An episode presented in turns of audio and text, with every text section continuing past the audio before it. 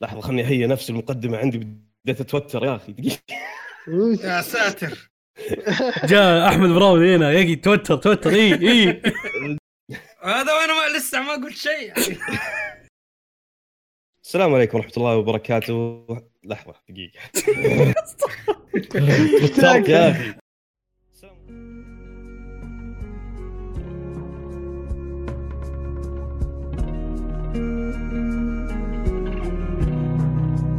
السلام عليكم ورحمة الله وبركاته. حيا الله مستمعين بودكاست مخرج ألعاب. اليوم جايينكم بودكاست نقدر نعتبره استثنائي ببعض الشيء. بحكم وجود شخصية معنا اليوم معروف عنه اهتمامه وشغفه الكبير بشركة Rockstar وألعاب Rockstar وبنفس الوقت لعبة Battlefield ماخذة جزء كبير من اهتمامه. وبنفس الوقت راح يكون التركيز الأكبر بهذا البودكاست لعبة Red Dead Redemption 2 وبرضه Battlefield عموما ضيفنا وضيفكم بهذا البودكاست أحمد الكيادي.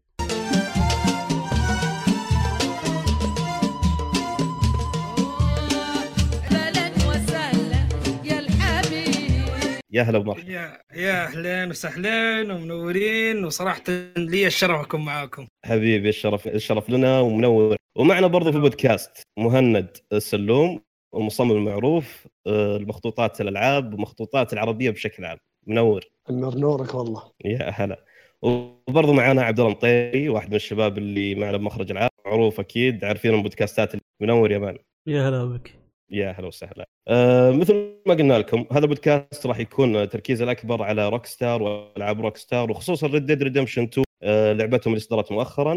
آه، وراح ناخذ عدة محاور برضو بعد كذا راح نتكلم عن أهم الأخبار اللي صار آه خلال الكم يوم اللي راحت وبالختام راح نختم معكم بالأسئلة اللي يعني حطيتوها لنا بحسابنا على الإنستغرام ضيفنا أحمد الكيادي. آه وراح نحاول قد ما نقدر نجاوب على أغلب الأسئلة. آه لكن يعني إذا ما جاوبنا على أسئلة بعض الشباب يا ريت تعذرونا لأنه مقيدين بوقت ما ودنا نطول البودكاست بشكل كبير. عموما آه في البداية خلونا ناخذ آه، تعريف بسيط كذا بضيفنا أحمد الكيادي اللي تعرفونه أكيد بتقديم المحتوى آه، على اليوتيوب وبرضه عن طريق موقعهم وهو المؤسس لموقع في جي اي 4 اي أتمنى إني نطقتها صح ولا؟ لا لا تقطع صح. الأمور كلها تمام. حبيبي. ف حبيبنا أحمد يا ريت تقول لنا وش يعني ارتباطك الكبير وحبك وشغفك الكبير بشركة روك ستار يعني من متى؟ وهل أنت يعني مرتبط بالشيء هذا من زمان؟ وهل هو بسبب ألعابهم؟ ولا إيمانك إن هي الشركة اللي قاعدة تقدم الشيء اللي يطمحون له والله شوف البداية كانت تتكلم على الميديا. أقدر أقول لك بديت تقريبا من 2012 من جميل. قبل ما يكون عندنا قناة في اليوتيوب.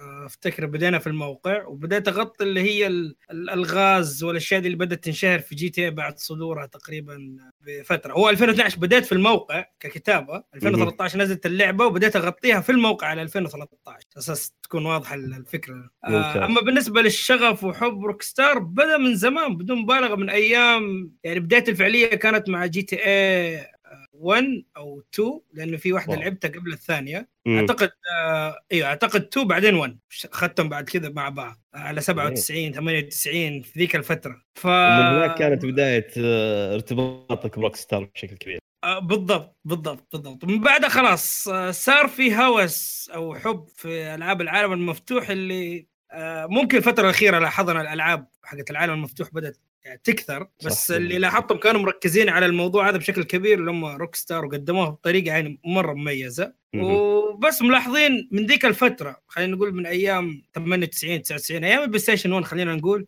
بدأ كذا GTA تطلع على السطح وبدأ من جزء لجزء تحس فيه شيء جديد في شيء مختلف فكل ما هم قاعدين ينزلوا شيء جديد كل ما حبي لهم قاعد يكبر أكثر وأكثر بس فعليا زي ما قلت في الميديا بدينا تقريبا على 2013 كموقع كتابة وعلى 2000 تقريبا خلينا نقول آه، نهاية 13 بداية 14 بدينا في ال- في اليوتيوب. جميل. بما إن يعني خلينا نترك Rockstar شوي بما ذكرت أنت بدايه بدايتكم في الميديا بشكل عام كانت موقع. هل تشوف إنه الشيء اللي تميزتوا فيه بشكل أكبر كان ال website اللي هو الموقع ولا آه قناة اليوتيوب؟ والله الأمانة كلها. آه بس ما بكذب إنه اليوتيوب أكيد إنه بيعطيك شهرة أكثر وبيوصلك. بشكل أسرع للجمهور لأنه هو يعني كلنا ملاحظين يعني الفترة الأخيرة شيء اسمه فيديو هو أكثر شيء مطلوب في الميديا يعني تجرب نزل فيديو ونزل صورة حتلاحظ الفيديو بيجيب مشاهدات وينتشر أكثر من الصورة صح. أو أكثر من post في كتابه صح. فتقدر تقول اليوتيوب ساهم بس في نفس. الوقت الموقع ساهم من ناحية إنه يخفف الضغط عليك في اليوتيوب يعني انت. صعب انك في اليوتيوب تنزل مثلا مراجعات أخبار تحليل تختيم كلها صعب تسويها خاصة لما تكون شخص واحد. بس لما يكون معاك فريق وشغالين على موقع فهم يشيلون عنك جزء وانت تشيل عنه مثلا جزء معين في اليوتيوب. فتقدر تقول يعني كل واحد يدعم الثاني. جميل جميل. وهذا ترى يعني نقطة تحسب لكم صراحة إنه موزعين المهام ما بين موقع ما بين برضو قناة يوتيوب حتى بال social media ما شاء الله عليكم يعني بالتويتر والانستغرام ما شاء الله يعني ثابتين يعني بالمحتوى اللي قاعدين تقدمونه ومتميزين برضو بنفس الوقت. طيب نطلع يسعدك. نطلع شوي من جو ال- ال- البدايات هذا وخلنا نطب العميق وخلنا نخش ب Rockstar وألعاب. Rockstar.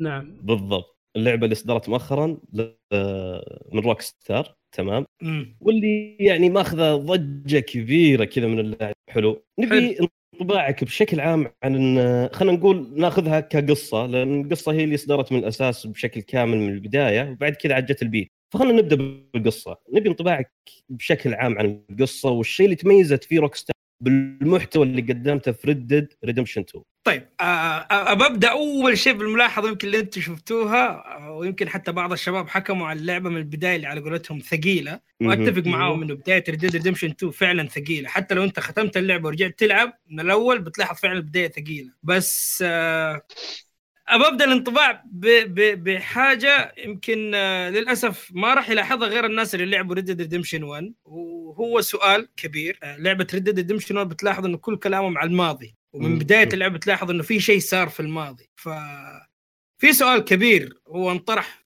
في نفس ال- في نفس الجزء الأول اللي هو دائما بيتكلم على موضوع بلاك ووتر طيب منطقة بلاك ووتر صار فيها شيء تغيروا الناس على بعض داتش أو جون أو أو غيره من العصابة. فإحنا لما جينا لعبنا Red Dead Redemption 2 البداية الثقيلة للناس اللي لعبت Red Dead Redemption 1 داخلين بيفهموا إيش صار في بلاك ووتر فالبداية. كانت خلينا نقول بعد أحداث بلاك ووتر فصار الواحد يركز يعني أنا كان ودي Rockstar يبدونه من بلاك ووتر بس واضح إنه هم عندهم خطة معينة وعارفين الناس متحمسين على النقطة هذه وفعلا ما ما أعطونا أي تفاصيل غير إنه صاروا في الثلج فاللي بوصله. إنه البداية كانت حماسية للناس اللي لعبت قبل كذا بحيث إنهم يدوروا أجوبة للأسئلة اللي قبل كذا بس الناس اللي أول مرة تلعب اللعبة ما هم شايفين ولا هم عارفين شيء أوكي ناس هاربه في الثلج ما في شيء واضح مستثقلين الموضوع لأنه بالضبط. في cutscenes كثير ومشاهد سينمائية و... طيب معلش. آه بلاك آه، ووتر هل بيجي أيوة، له تكملة؟ هل بيجي له شيء؟ آه قصدك على Red Dead Redemption 2 إيه بلاك ووتر هل ممكن ممكن في تكملة مع جون مارستون؟ إضافة لها في Red 2 ك DLC بيصير بعدين يعني. نعم. آه ما ما أعتقد للأمانة حيعطونا DLC يرجعونا للماضي. أتوقع إنه لأنه هم تكلموا بعد ما نزلت اللعبة خاصة دان هاوسر. يعني آخر تصريح له قال لو نجح Red Dead Redemption 2 معناته في Red Dead Redemption 3 هو واضح ماشي على زي طريقة آه، كوجيما مع Metal Gear ماشي بالعكس. يعني. أعطانا من المستقبل وقاعد إيه. يمشي بالخلف. فأتوقع إنه الجزء الثالث حيرجعونا على أيام آه، الدتش هو صغير وخوزية معاه وحتى آه، شو اسمه. آرثر. هم صغار يعني وشباب. تكون حماس كذا على فكرة. أيوه أكيد لأنه كل ما رجعوا بال- بالزمن للخلف كل ما كان الوضع وحشي أكثر وتعرف الحكومة بالضبط. تكون أضعف فيكون الوضع حماسي أكثر. فهم واضح قاعدين يلعبون على الوتر هذا. وبيكون برضو في حضور للعصابات بشكل أكبر. بالضبط بالضضبط والهنود الحمر بيكونوا برضو في عزهم وقتها بدل ما إحنا شفناهم إيه. خلاص كذا على النهاية. طيب في توقعات انه ممكن يصير الشيء هذا بشكل كبير يعني إنه ممكن نرجع يعني بالزمن للفترة اللي ذكرتها بيكون في جزء ثالث خلينا نقول يرجعنا أكثر لورا. ولا هي توقعات ضئيلة يعني ما هي ما هي يعني لا هو هو هو. واضح هو واضح أخوي سعود واضح أصلا من قبل ما تنزل Red Dead Redemption 2 أنت لو لعبت. لعبت لو لعبت Red Dead Redemption 1 مهم. آه، حتلاحظ إنه أصلا أوكي أنا انتهيت من اللعبة بس خلاص ما عاد في شيء لو بينزلوا جزء من المفترض بالمنطق يكون في في ال- في الماضي وفعلا. لو تفتكر أول أيام التسريبات والإشاعات الكل كان محتار هي prequel ولا sequel؟ ما ما حد كان عارف. بس بعدين لما تيجي يعني أنا كنت دائما أراهن وأقول يا جماعة ترى واضح إنه حيكون في الماضي. فدحين إحنا غلقنا Red Dead Redemption 2 ما, ما عاد في شيء يعني في المستقبل. لازم يرجعوا بالماضي. ما زالت في أسئلة لسه في الماضي. صح صح. ف- لأنه already إحنا جربنا أصلا المستقبل ولعبنا في المستقبل بجون مارستون في الجزء الأول. بالضبط. بس في gap في فراغ خلينا نقول ما بين Red Dead Redemption 1 و Red Dead Redemption 2 يعني حتى بعد ما تنتهي من اللعبة مم. تلاحظ في في في ثغرة لأنه إحنا كل اللي نعرفه في Red Dead Redemption 1 بدينا ب- بجون مارستون وأهله مو معاه أهله مسكوهم. طيب كيف مسكوهم؟ إيش اللي صار؟ إيش التفاصيل؟ هذه ما نعرفها. حتى لو إنك أنت. ختمت Red Dead Redemption 2 برضه ما تعرفها. فممكن هذا يكون DLC هذا أنا أقول لك ممكن يدفوها كإضافة. يعني بيكون في إضافة تشرح لنا الوضع بشكل أكبر. اي بيعطيك تكملة آه، القصة حق جون افتراض. أيوه. بالضبط. قصة اللي هي جون مارستون. بس قصة العصابة أتوقع هذه Rockstar حيلعبوا عليها لأنه آه في حاجة بس حاب أضيفها بسيطة. الكل كان كان يعني وأنا منهم للأمانة رغم الموضوع كان شوية صعب كلنا لعبنا. بجون مارستون صعب انه Rockstar تطلع لك بشخصيه أفضل من جون مارستون. بس آه اللي يخليك آه ترجع تشك في كلامك انه Rockstar عودتنا دائما في كل إصدار لأي جزء تحصل الشخصية شخصيات مختلفة ما عدا تقريبا Max Payne. ف زي عندنا GTA ما شاء الله من جزء لجزء شخصيات جديدة ومن جزء لجزء بنتعلق بالشخصيات هذه. فنفس الموضوع مع Red Dead جابوا شخصية جديدة ارثر مين ارثر ما نعرفه بس فعليا إحنا تعلقنا فيهم. تعلقنا. في الدتش أكثر وتعلقنا في العصابة بشكل أكبر. فخلاص Rockstar الحين صار الموضوع سهل. خلاص الجمهور حبوا الشخصيات تعلقوا في العصابة حفظوا الشخصيات هذه كويس وخاصة يعني ما شاء الله اللعبة كانت طويلة وبناء الشخصيات أخذ وقت بما فيه الكفاية على قولتهم. فحيكون سهل عليهم يرجعونا للماضي ونتعلق فيهم زيادة. بالضبط. ف ما ما طيب. أعرف صراحة الواحد آه، متحمس ومتخوف في نفس الوقت. مثل مثل الآن الواحد ودي يعرف ت- ماضي آه، آرثر مورغان وكيف وصل كيف صار مدري إيش. لأن ما نعرف الماضي أصلا ماضي آرثر مورغان كيف يعني. فعلى طول. بس صراحة أنا تعلقت بشخصية آرثر مورغان صراحة. يا أخي شخصية كويسة يا أخي. يعني قسم بالله يا أخي اداؤه بال- بال- باللعبة ومدري إيش وشخصيته يخلي تخلي تخليك خلاص ترتبط بالشخص هذا لين ما- لين وصلت النهاية. لين وصلت نهاية القصة. تبي تعرف إيش اللي صار بعدين. شخصية عظيمة. من أعظم الشخصيات اللي قدمتها روك ستار صراحة خلينا. نقول أتفق. الجيل الجيل هذا. أتفق. بالضبط. طيب آه ما قلت لنا وش الشيء اللي تميزت فيه ريد ديد ريدمشن 2 بشكل كبير؟ يعني بعيد عن الشخصيات خلينا نتكلم عن محتوى العالم اللي قدموه العالم المفتوح. مثل ما إحنا نعرف روك ستار إبداعهم الأول والأخير دائما في ال open world تمام؟ ولا أحد ينافسهم. أنا اللي أشوفه إنه ما في منافس لهم بشكل يعني على المستوى اللي هم قاعدين يقدمونه ما في لهم منافس آه، يعني ممكن يكون قريبين منهم لكن ما في حبكة خلينا نسميها بالمستوى اللي جالس تحبك فيها روك ستار فوش الشيء اللي تميزت فيه روك ستار بال open world حق ريد ديد ريدمشن 2 والله من ناحية محتوى العالم نفسه. آه الإجابة واحدة وحتسمعها دائما مكررة سواء الآن أو مستقبلا. التفاصيل يعني مهم. كمية التفاصيل اللي يحطوها في عالمهم وكمية ال- الأشياء اللي يضيفوها من من إصدار لإصدار سواء ريد أو غيره من السلاسل هي اللي تخليك تنجذب لهم أكثر. يعني أنا أول ما لعبت لعبة ريد ديد ريدمشن ضعت فعليا. يعني تحس نفسك تكمل القصة وفي نفس الوقت نفسك تستكشف. و- و- ونفسك طريقة- تلعب مهام جانبية. برضه كلها كلها تبي تسويها في وقت واحد لين تحس مخك كذا خلاص ما انت عارف. ولما تيجي تخش على الميديا تحصل واحد منصدم من القصة طيب أنا تحمست برجع أكمل القصة شوي تحصل واحد اكتشف شيء طب أبى أروح أنا أستكشف. يعني الوضع فعلا يضيعك. وغير كذا يعني ال graphics مع أجهزة الجيل الحالي تخيل أنا بلعب على البلاي ستيشن العادي في ناس بتلعب على البرو في ناس تلعب على الإكس بس الكل كان متفق إنه ال graphics كان شيء فظيع الأصوات ال- البيئة آه، تفاعل الحيوانات مع بعضهم تحصلهم يتضاربوا واللي يصيد الثاني واللي وغير الأشغال حقت الناس يعني أنت بس أجلس أتفرج شوف إيش اللي يصير. نفس الموضوع اتكرر مع جي تي اي قبل كذا وما زال مستمر بس بشكل هذه المرة آه، تفاصيل أكثر أعمق وتحس كذا أنا ماني عارف هي أقرب كلمة أقدر أقول لك دائما ألعابهم تحس فيها حياة تحس صحيح. إنه فعلا هذا مكان حقيقي هذا هذا مو شيء كذا يعني ناس سووه. لا تحس إنه فعلا شيء ينبض بالحياة. إحنا لعبنا العاب ألعاب عالم مفتوح كثير بس مو ما تحس إنه عالم آه، متحرك. ما تحس إنه يتنفس زي اللي قاعدين نشوفه في ألعاب روك ستار ه- هذه هي أتوقع أكثر ميزة متميزة فيها روك ستار اتفق. معك 100% أنا أنا اللي. ابهرني اللي أبهرني بشكل كبير إنه يعني تخيل بعض المباني تمر عليها أول مرة تلقاهم جالسين يعني مبنى لسه جالس ينبني جالسين يبنون العالم ما أكتمل. تيجي بعد فترة نفس المنطقة تلقى مبنى كامل. يعني هذه معليش أنا عن نفسي ما أدري يمكن صارت في العاب ثانية لكن عن نفسي أنا ما شفتها في العاب ثانية صراحة. أتفق معك. يعني في سكة قطار يا رجل أنا استغربت. قاعدة تنبني من جد وتمشي. حتى اللي كانوا. شغالين عليها الصينيين جيتهم بعد فترة فعلا السكة قاعدة تمشي وشغلهم. أنا قعدت أدقق حتى في حقين اللحم. قطعوا اللحم فعلا بيقطع اللحم وبيحط على الطاولة وبيقطعوا أوصال وبيحط بي... يعني ما هو ش... ما هو شيء كذا تحسه بس مجرد animation يتحرك ويتكرر. لا في شيء قاعد يصير. والأحلى من هذا كله إنه بعض الشخصيات اللي تواجههم كذا داخل عالم ال game يعني في بعض الأحيان لما يشوفك بعد فترة يتذكرك. يعني تخيل. بالضبط. يعني. كمية بالضبط. ويعطيك خصم كمان. يعطيك خصم. بالضبط. هذه حلوة. رهيبة جدا هذه هذا مرة رهيب أسطورية جدا بالضبط. يعني تحسسك إنه فعلا جالس تلعب في عالم حي. يعني أنا قابلت واحد اليوم لو أقابله بعد أسبوع بيعرفني. مو واحد قابلته خلاص يلا مع السلامة. بيروح صح، وتنتهي صح. العلاقه بيننا. صحيح. طيب بالنسبة للأسرار في اللعبة إحنا مثل ما يعني الكل عارف إنه أي لعبة روك ستار ما تخلى من الأسرار خلينا نقول اللي هي ال- إيش يسمونها؟ آه، يعني ناسي اسمها بالإنجليزي صراحة. تمام. Easter eggs. أسرار كثي- Easter eggs بالضبط. آه،. دائما يبدعون فيها بشكل كبير.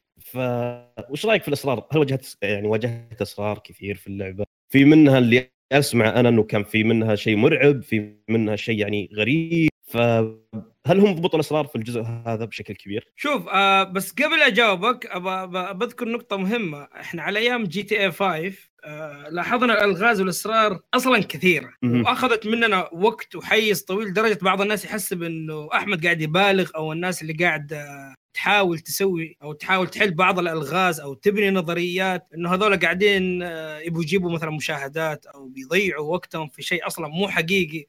بس مم. دائما روكستار بيكون ردها بإضافة. هذا على أيام جي تي اي 5 وهذا اللي أحبطنا نوعا ما على أيام جي تي اي إنك أنت بت بتتعلق في القصة عشان الألغاز فجأة بتنزل حلول الألغاز أو النظريات بتنزلها في الأونلاين. عشان كذا هم ردوا في ريد ديد ريدمشن 2 إنه لا. آه okay. جميل. آه طيب. خلني بعطي تنبيه بس إنه صار خلل في الاتصال فبنكمل الحين من وين ما وقفنا. لا أنا ممكن أعيد الاجابه لو حاب عادي. طيب okay يلا go ahead بس أنت عيد السؤال لأن أنا نسيت الاجابه السؤال هو كالآتي. آه، إيش رأيك في الح- في الألغاز اللي صايرة في جي تي إي؟ والألغاز اللي صايرة الحين في ريد ديد ريدمشن 2 هل تلاحظ إنه أفضل ولا مو أفضل من من جي تي إي نفسها؟ طيب حلو حلو. آه خلينا نبدأ أول شيء بموضوع لعبة آه، جي تي اي آه يمكن أنتم لاحظتوا إحنا لنا فترة طويلة خاصة الشباب اللي يحبون الألغاز يعني تخيل اللعبة نازلة 2013 وإلى 2016 قول تقريبا آه والعالم لسه تتكلم عن ألغاز جي. تي اي لدرجة في ناس. إيوه في ناس كانوا يفكروا إحنا قاعدين نبالغ أو بنجيب مشاهدات أو أو غيره من هذا الكلام مع العلم إنه كان دائما القصة هي اللي دائما فيها ال Easter eggs والألغاز والأونلاين شيء مختلف بس اللي صار دائما روكستار كانت بتعطينا الحلول أو بتبين لنا شيء إحنا بندور عليه بس في الأونلاين. وهذا نوعا ما أحبطنا وصار واضح إنه خاصة بعد تصريحاتهم في جي تي اي إنه ما عاد في شيء اسمه إضافة قصة ومهتمين إحنا بالأونلاين. ففعليا أغلب الأشياء اللي كنا ندور عليها صارت تطلع في الأونلاين. فكان الموضوع محبط بس في نفس الوقت كان إثبات إنه فعلا Rockstar عارف إيش اللي قاعد يصير وعارف نوعية اللاعبين اللي يحبوا الألغاز. هذا بالنسبة لل GTA نجي على موضوع لعبة Red Dead Redemption واضح أصلا أنتم يمكن لاحظتوا من ثاني يوم ثالث يوم قيد اليوتيوب والميديا كلها ألغاز ونظريات وفضائيين ومدري من هذا الكلام. فجرت ال social media الغاز أيوه فهذا إثبات بسيط إنه فعلا Rockstar تحب ال ال ال الأجواء هذه. الأجمل من هذا كله إنه هم كمان صرحوا إنه يا جماعة الخير ترى القصة مختلفة أو خلينا نقول مستقلة عن الأونلاين فاللي في القصة الحال واللي في الأونلاين لحال وهذا الشيء يحمس الواحد إنه ممكن الألغاز أو النظريات تستمر لأنه إلى الآن في ألغاز ما انحلت فممكن تأخذ منك وقت في القصة ف موضوع حيكون حماسي ممكن حتى Rockstar تلعب عليها. السؤال اللي يطرح نفسه إنه ليش هم أصلا من الأساس؟ أتوقع هذا يمكن أكثر سؤال ليش يحطوا ألغاز؟ ليش يحطوا. Easter eggs ليش مكثرين منها في نظري أنا عندي إجابتين. الإجابة الأولى آه إن كان أخذناها بحياة واقعية أو يعني حياتنا الحقيقية أقصد الأشياء اللي فيها خزعبلات وخيال علمي وموجودة معانا وبنتعايش معاه خاصة القصص الشعبية. يعني زي عندك مثلا موضوع الجن آه، أشياء غريبة ممكن صارت لك شخصيا أشياء غريبة ممكن صارت لأحد أصحابك وبيحكي الناس عليها. فهذا هذا جزء من البشر خلينا نقول. حاجة. طبيعية تعتبر. فتخيل إنك أنت بترجع بالزمن على 1899 على أيام الناس كانت جاهلة ويمكن لاحظت انت لما تلعب لعبة Red Redemption مثلا في واحدة من المهام أفتكر بي- بيقول الشرير جاء مو الشيء ال d- ال devil اللي هو الشيطان. الشيطان ما شفتوه دحين بيجي شوف كيف سوى بالناس تيجي تطل يطلع لك دب بعدين. فاللي بقصده أوكي. إنه في ذيك الفترة العالم أصلا كمية الجهل فيهم مو طبيعية. فطبيعي بتحصل الناس تتكلم عن ال- الأشياء اللي فيها خزعبلات وفيها سحر شعوذة. ف ولو أنا سويت بالضبط. وإحنا سوينا أصلا قبل كذا بودكاست حتى مع صاحبي أليخاندرو وتكلمنا فيه حتى على الألغاز وسوينا جوجل كذا بسيط search على الفترة اللي هي خلينا نقول ما بين 1896 99 كمية القصص وكمية الخزعبلات. شيء مو طبيعي خاصة موضوع الساحرات المشعوذات كيف يحرقوهم يقتلون كلها حطوهم أنتم في الأفلام.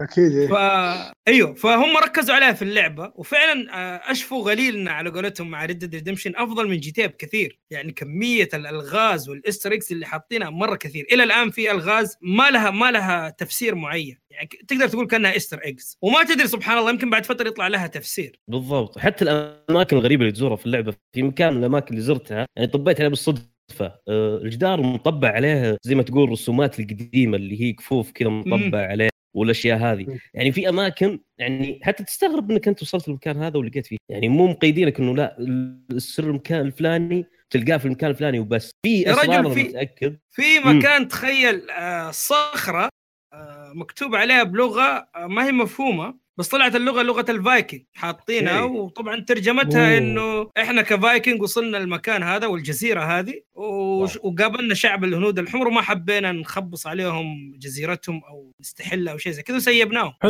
ال- التذكار هذا. فاللعبه اللعبه ترى تخدمك في الأشياء اللي فيها اسرار والغاز والله أشياء كثيرة مرة. هذه مرة رهيبة حركتهم حقت الفايكنج. صراحة أول مرة أدري عنها منك. أيوه موجودة تحصلوها. شمال شمال شرق ال- الخريطة أقصى الشمال. جميل. وفي في تحصل ترى آثار ورسومات. موجود موجود. تحس من سكان حتى قدام. سالفة ال- سالفة الديناصورات وعظام الديناصورات هذه الآثار اللي تلقاها برضو بنفس الوقت. اللي جمعها اللي جمعها اللي أيوة. جمع- إيه إيه. بالضبط.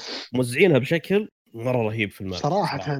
طيب أحمد بما إنك أنت ذكرت قبل شوي إنه آه، يعني آه، GTA أعلنوا Rockstar إنهم بيدعمون الأسرار حتى في الأونلاين. هذا يخليني أفكر بسؤال هنا إنه لا هم هم ما بس دقيقة هم ما أعلنوا إنه بيدعموا الأسرار. Rockstar أكبر مشكلة عندهم ما بقول مشكلة شيء تعودنا عليه ما مم. يتكلموا في الأسرار نهائيا. يخلونك تكتشف. بالضبط. وتعرف ما شاء الله يعني الأجانب شياطين بيسحبوا شيء من ملفات اللعبة بيسحبوا حاجة من هنا. وأتوقع إنه Red Dead إذا ما نزلت على ال PC في ألغاز حتطول كثير وحتاخذ مننا وقت طيب يعني. برضو برضو بنكتشف اسرار في Red Dead يعني احتمالية كبيرة إنه نكتشفها في الأونلاين. وهذا اللي كنت بسال بالضبط بالضبط. وأنا هذا وأنا هذا شيء لاحظته الصراحة قبل آه، أمس. لاحظت حاجة غريبة وقلت إن شاء الله بتكلم عنها إنه في في خلينا نقول مثلا في جدار الجدار هذا مثلا في طوبة معينة لو سحبتها بتحصل فلوس مثلا. واو حلو. في الأونلاين. لا في القصة. أوكي. لما تروح على الأونلاين بتحصل نفس الصخرة شايلينها ومكانها مفرغ.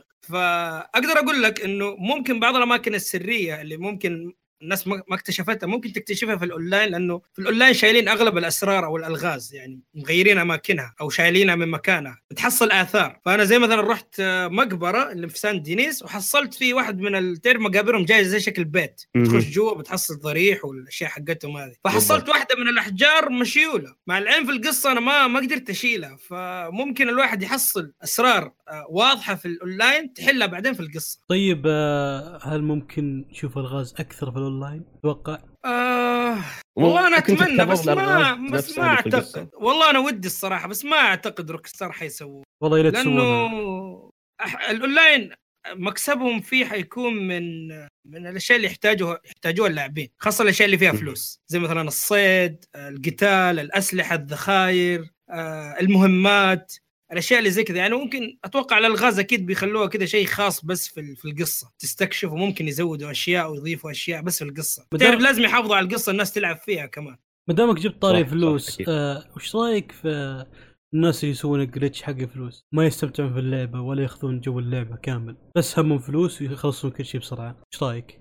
شوف أنا اللي ضحكني أكثر شيء أصلا حتى الجلتشات اللي بيتكلموا عنها ما هي جلتشات عبارة عن خلينا أقول مثلا أنا حصلت شيء قيمته دولار فأقول للشباب لو جينا نحسبها مثلا لما تروح هذا المكان وتبيع الدولار وترجع ثاني مرة مثلا هذا حيأخذ منك دقيقتين. فأنت مثلا لو حسبتها في 10 دقائق يطلع لك مثلا 20 دولار ولما تحسبها مثلا في ساعة يطلع لك 100 دولار. فتطول هذا مو جلتش فعليا كأنك بت- بتأخذ حاجة وبتروح تبيعها وبترجع تأخذها وبترجع تبيعها على نفس الموال. كأنك جالس تفرم. في دستري إيه. إيه بالضبط بالضبط. اي هذا أغلب الجلتشات اللي منتشرة بس آه، الحلو إنه إنه اللاعبين وصلوا صوتهم. روك ستار متفاعل يمكن ملاحظين أنتم إلى اليوم يعني إلى ما إحنا نسجل. وهم. نزلوا حاليا آه، نزلوا الأسعار زودوا المكافآت آه، رفعوا الأشياء هذه. فنقول إن شاء الله إنه آه، الناس اللي تدور جلتشات والأمور هذه يكون ينحل ينحل موضوعهم مع التحديث إن شاء الله الجديد. والأهم من هذا كله واللي لاحظته أخوي عبد الله إنه أغلب الناس اللي يدوروا جلتشات للأسف آه، تحصلهم ما, ما لعبوا القصة أصلا ما, ما يعرف إيش اللي صاير في عالم اللعبة مو آه، مهتم المحتوى دوري- لا. يعرف إنه الصيد أغلى ولا يعرف إنه في حيوانات معينة آه، آه، غالية ولا يعرف إنه في نباتات معينة غالية ولا يعرف أي شيء من هذا كله كل اللي يعرف يخش ما ما يعرف شاف اللي- إيش- ال legendary أصلا إيه. ال legendary اي يعرفه. ولا شيء ولا شيء بس يشوف الناس متجمعين هنا راح معاهم ويتقاتلوا. ويتضاربوا على على سمكة ولا على زهرة ولا على وردة ولا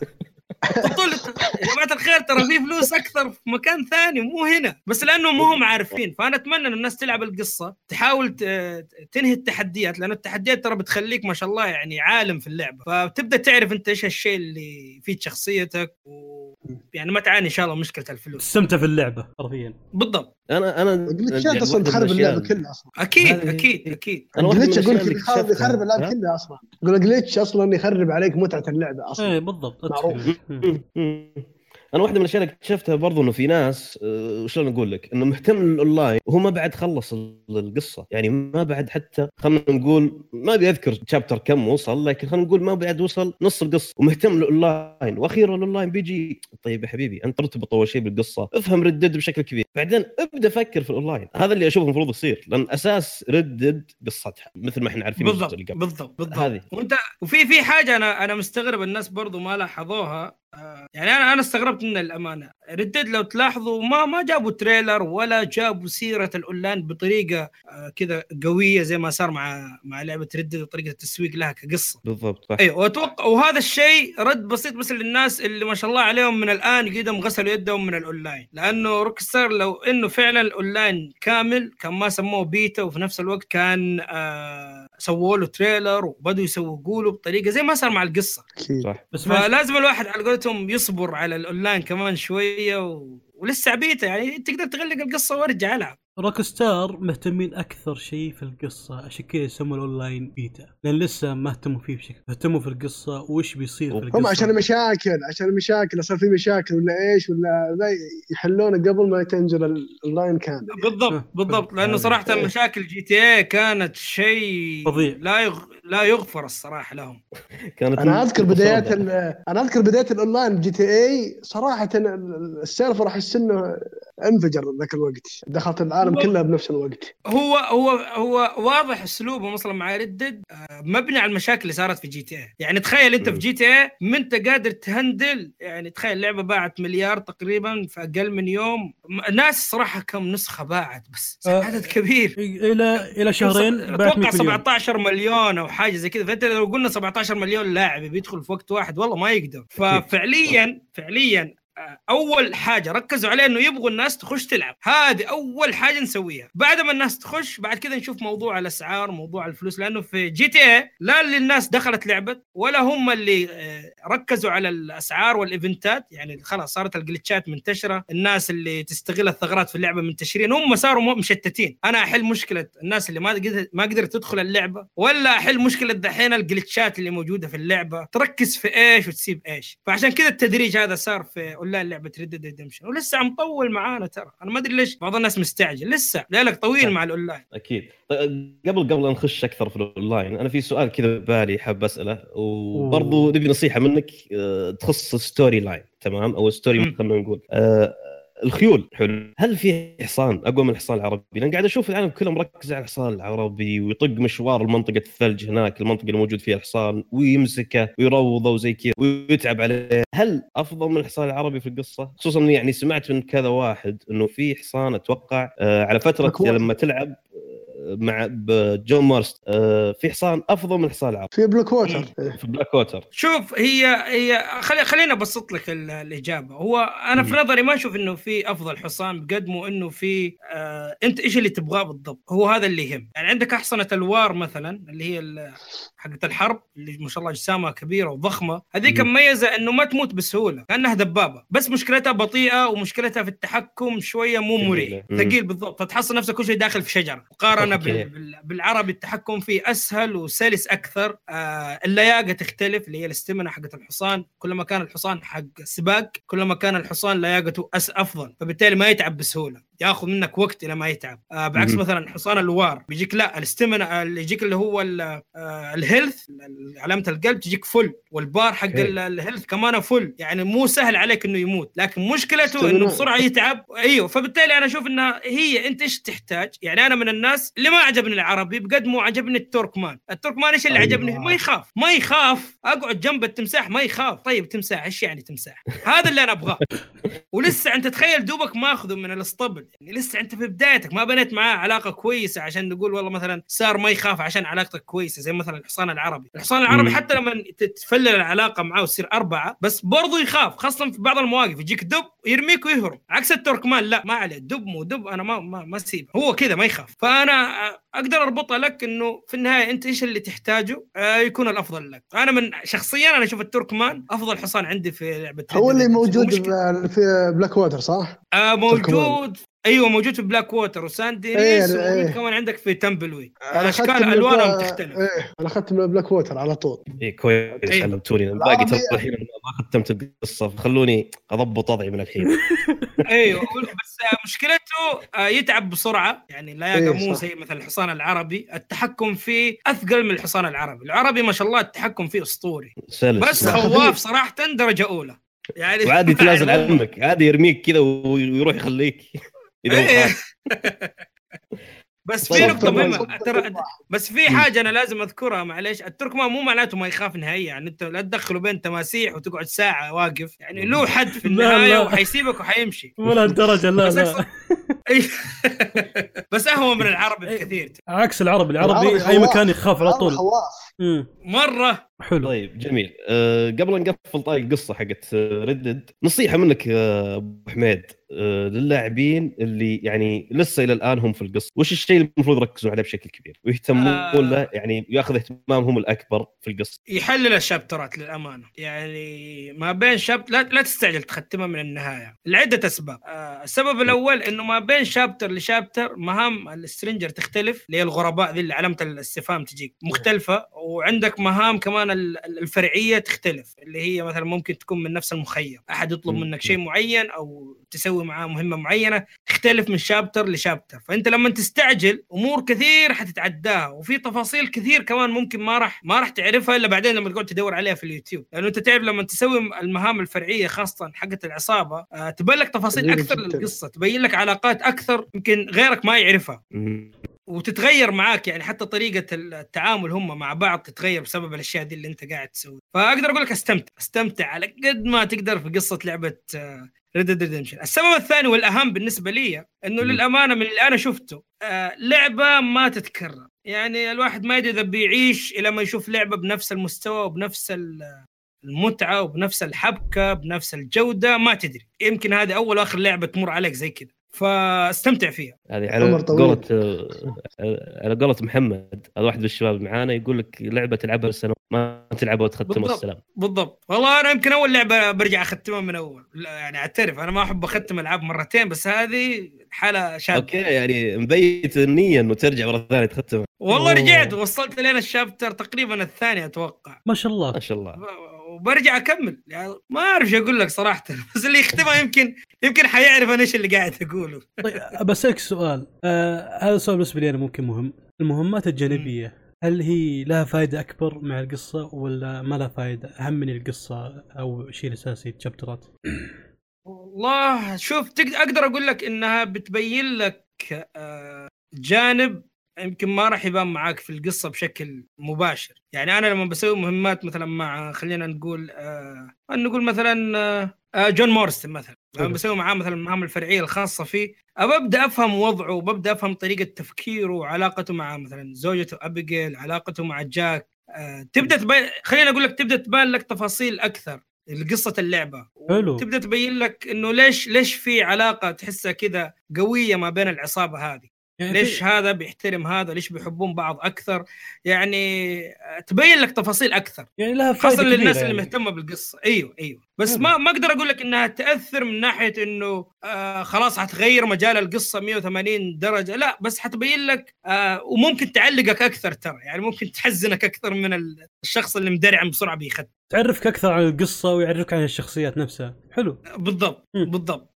طيب سعود. طيب جميل. أه ننتقل الحين للأونلاين. وما ودي أطول في الأونلاين لما ما شاء الله العالم عندنا في ال- الإنستغرام والأسئلة حقتهم بشكل عام غالب عليها الأسئلة حقت الأونلاين. فما راح أسأل كثير في الأونلاين برضو بخصوص إنه لسه يعني في بداياته وبيتا بالضبط. لكن آه، بشكل عام آه، وش الشيء اللي تشوف Red Dead تميزت فيه في الاونلاين والشيء اللي يعني بعد ما يتم إطلاق الأونلاين بشكل كامل وإطلاق رسمي للأونلاين راح يكون هو آه، يعني اللي يميز online Red Dead عن خلينا نقول عن باقي الألعاب الثانية من نفس الشركة زي GTA شوف أول حاجة لاحظتها وفي نفس الوقت صدمتني إنه ما في فرق بينها وبين القصة خاصة مم. من ناحية آه، خلينا نقول عناصر ال RPG البسيطة اللي حاطينها اللي هو الجوع. آه، تمتن أو تنحف آه، تحتاج تجمع أغراض عشان تسوي لك أكل تحتاج آه، تأكل الحصان تهتم بالحصان.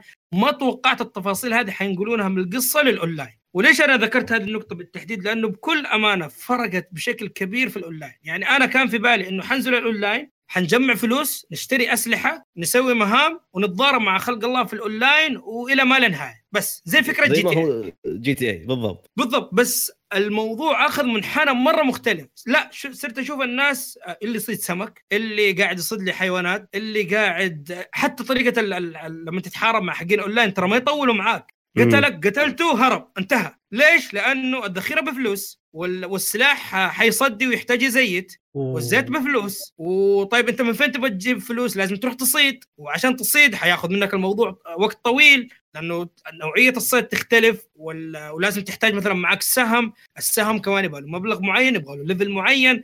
فصارت الأمور هذه كلها تقعد تحسبها في مخك قبل لا تتخذ أي خطوة في الاونلاين فأنا انبسطت من هذه الناحية لأنه أنا تعودت في GTA قتلك خلاص ال- اليوم كله بيقعد يقتلك. إلى ما تقفل اللعبة وتخرج من ال server بس. سنتيات تقتله يقتلك أنا سبته هو سابني خلاص. عفى الله عما سلم ما عاد نبغى شيء من بعض. حبيبي ماني فاضي أروح أجمع فلوس على على مضاربة ما لها داعي من الأساس. فهذا كل أنا بالله ميزة. حلوة في الاونلاين واتمنى إنها تستمر. ولو إنه في ناس ضايقتنا كان يحسبوا الوضع زي Red Redemption 1 بس. لا أنا كذا مبسوط. يعني حتى الشباب صاروا يتعاونوا مع بعض بيصيدوا الصيد مثلا خلينا نقول غزال آه، بيتساعدوا إن أنا ممكن أصيد غزال وأعطيك إياه عشان أنت تروح تأخذ اللحم وتأخذ الجلد وتروح تبيعه. تقدر تتعاون. وأتمنى صراحة في أشياء لو يضيفوها Rockstar حيسهلوا الموضوع. ممكن أخذ عربية وأحمل فيها الغزال أحط لي أربعة مم. خمسة غزلان أصيد وأروح أبيع. آه واللعبه جداً. واقعية لدرجة يعني حتى الشباب يمكن انصدموا. وأنا انصدمت لما عرفت المعلومة هذه. المزرعة في مزرعة حقت آه بريث آه وايت إذا ما خاب ظني العجوزة. أوكي. مزرعة عندها تفاح و- ويبيعوا فيه أو ينتجوا أشياء كثير اللي بيوصلها بعدين للبقالة. فأنت روح المزرعة بتحصل تفاح. طيب شيل التفاح وروح. لا تشتري من البقالة أو من ال general store يعني. والله. ف إيوه وعندك السمك. يعني في دحين شلال الشلال بيطيح منه السمك وسبحان الله تحت حاطين زي الحجر فصار بدل ما يطيحوا السمك مع الشلال على الموية لا بيطيحوا على الحجر. صاروا اللاعبين يجوا يشيلوا السمك من على الحجر ويروحوا يبيعوه. والله فلة والله. اي فعالم اللعبة عرفوا يستغلوه حتى بطريقة واقعية. لو تفكر شوي أنا ليش أروح أشتري من ال general store هم من فين بيجيبوا من مزرعة. طب خليني أروح أشيك المزرعة. زي كذا. بس المزرعة لو رحت أنا واخذت من هناك المزرعة ما ما يعني ما يعتبرون إن رحت سرقت ممكن الشيء هذا يأثر علي شوف حقة التفاح ما ما لاحظنا فيها أي شيء. عادي. يعني مرت بالنسبة أيوه بالنسبة للمزارع مثلا خلينا نقول آه، اللي مثلا عندهم خرفان وعندهم حلال على قولتهم لا. طبعا ما ما راح يخلوك. بس آه لو أخذت بتحصلها غالية إذا عندك ال- الخرفان غالية لو. قدرت تاخذها. ط- طيب مسألة الشرف اللي موجودة في ال store في القصة story mode موجودة برضه في الأونلاين؟ اللي هي؟ الشرف آه، أحمر أو أبيض يعني أيوه، إنه بس تكون في طيب. أو-. بس في القصة خلينا أقول نقدر نعتبرها آه هم بيسمونها الاجانب كارما وإحنا بنسميه عندنا مثلا تسوي خير بيرجع لك خير تسوي شر بيرجع لك بشر. أوكي. ف- حلو تسمية حلوة. أيوه. أيوه فهم في القصة مركزين إنه الكارما هذه أو الشرف آه، بيأثر عليك من ناحية مو بس تفاعل ال- الناس معك بيأثر عليك حتى من ناحية نهاية القصة آه، مجرى القصة المهام الفرعية اللي حتجيك آه، طريقة الشخصية وتعاملها مع بعض الشخصيات حتتأثر. يعني أنا بعطيك مثال أنا مثلا تعاملي مو كويس مع مهند حلو؟ ومهند فعلا أنا ظلمته مثلا. مهند بيقعد يدعي علي ليل ونهار وفعلا دعوته ممكن تستجاب وتصير فيها الله مصيبه يسامحك الله يسامحك. لا لا أنا بس بعطي مثال لأن ما ودي أحرق على أحد القصة ف فعلا هذه حتأثر علي في حياتي قدام. ممكن أنا أندم على الشيء اللي سويته مع مهند ومهند مثلا صارت فيه مصيبة ثانية. توفى مات أي حاجة. طب أنا بقعد ندمان طول حياتي الله. وبموت وأنا حسران. لا لا فعليا هذا اللي طبقته ردد. هذا اللي طبقته ردد. وفي مهمة حتى صحيح أنا كثيرين صحيح ما صحيح مرت صحيح. عليهم إن شاء الله حتكلم عنها بس فيها حرق. فيها حرق يعني تقدر تقول مهمة ما تطلع إلا للناس اللي اللي معبين الشرف. الشرف عندهم أبيض خلينا نقول. آه، بالضبط بالضبط. أحمد هذه هي من ناحيه. تأثيرها في ال- في القصة في الأونلاين لا لاحظت إنه آه ممكن بس يخلي الشخص حقين الأونلاين ينتبهوا لك م. يعرفوا إنك أنت حق مشاكل زي ما صار في GTA مثلا في شيء يوضح الشيء هذا إنه أعتقد إنه على كلام الشباب يصير يصير عليك بالأحمر دائما okay. لأنه في, في GTA كانوا يحطوا على راسك زي آه، يخلوك بالأحمر ويخلون كمان فوق. راسك زي الطاقية إيه آه لا باونتي. الباونتي بيحطوا أحيانا bounty وأحيانا لا بيحطوا لك طاقية بيكتبون عليها مثلا كلمة stupid يعني غبي وبيرموك في سيرفرات خاصة بالناس اللي زيك كذا يحبوا يقتلوا اللاعبين و... يعني كان في GTA زي كذا. في Red أتوقع ممكن يسوون نفس الطريقة. للناس اللي تحب تخرب يحطوه مع ناس زيهم يخربوا. وخليهم يتصادموا مع بعض. أحسن. مهند. والله أفضل. أنا أشوف إنه أفضل لو سواه الله يرحمك مقدما يا مهند. من جد. والله. الله الله يرحمني. بس حاول تسامح آه، أحمد يعني وتسامح استغفر ربك مسامح والله. لا يا رجل. مسامح مسامح. حبيبي. عطوه عطوه نقطتين شرف زيادة. وزادت عندي هي صارت لون أبيض. حلو حلو. لا بس بس على سيرة الشرف يعني والله ما بكذب عليكم.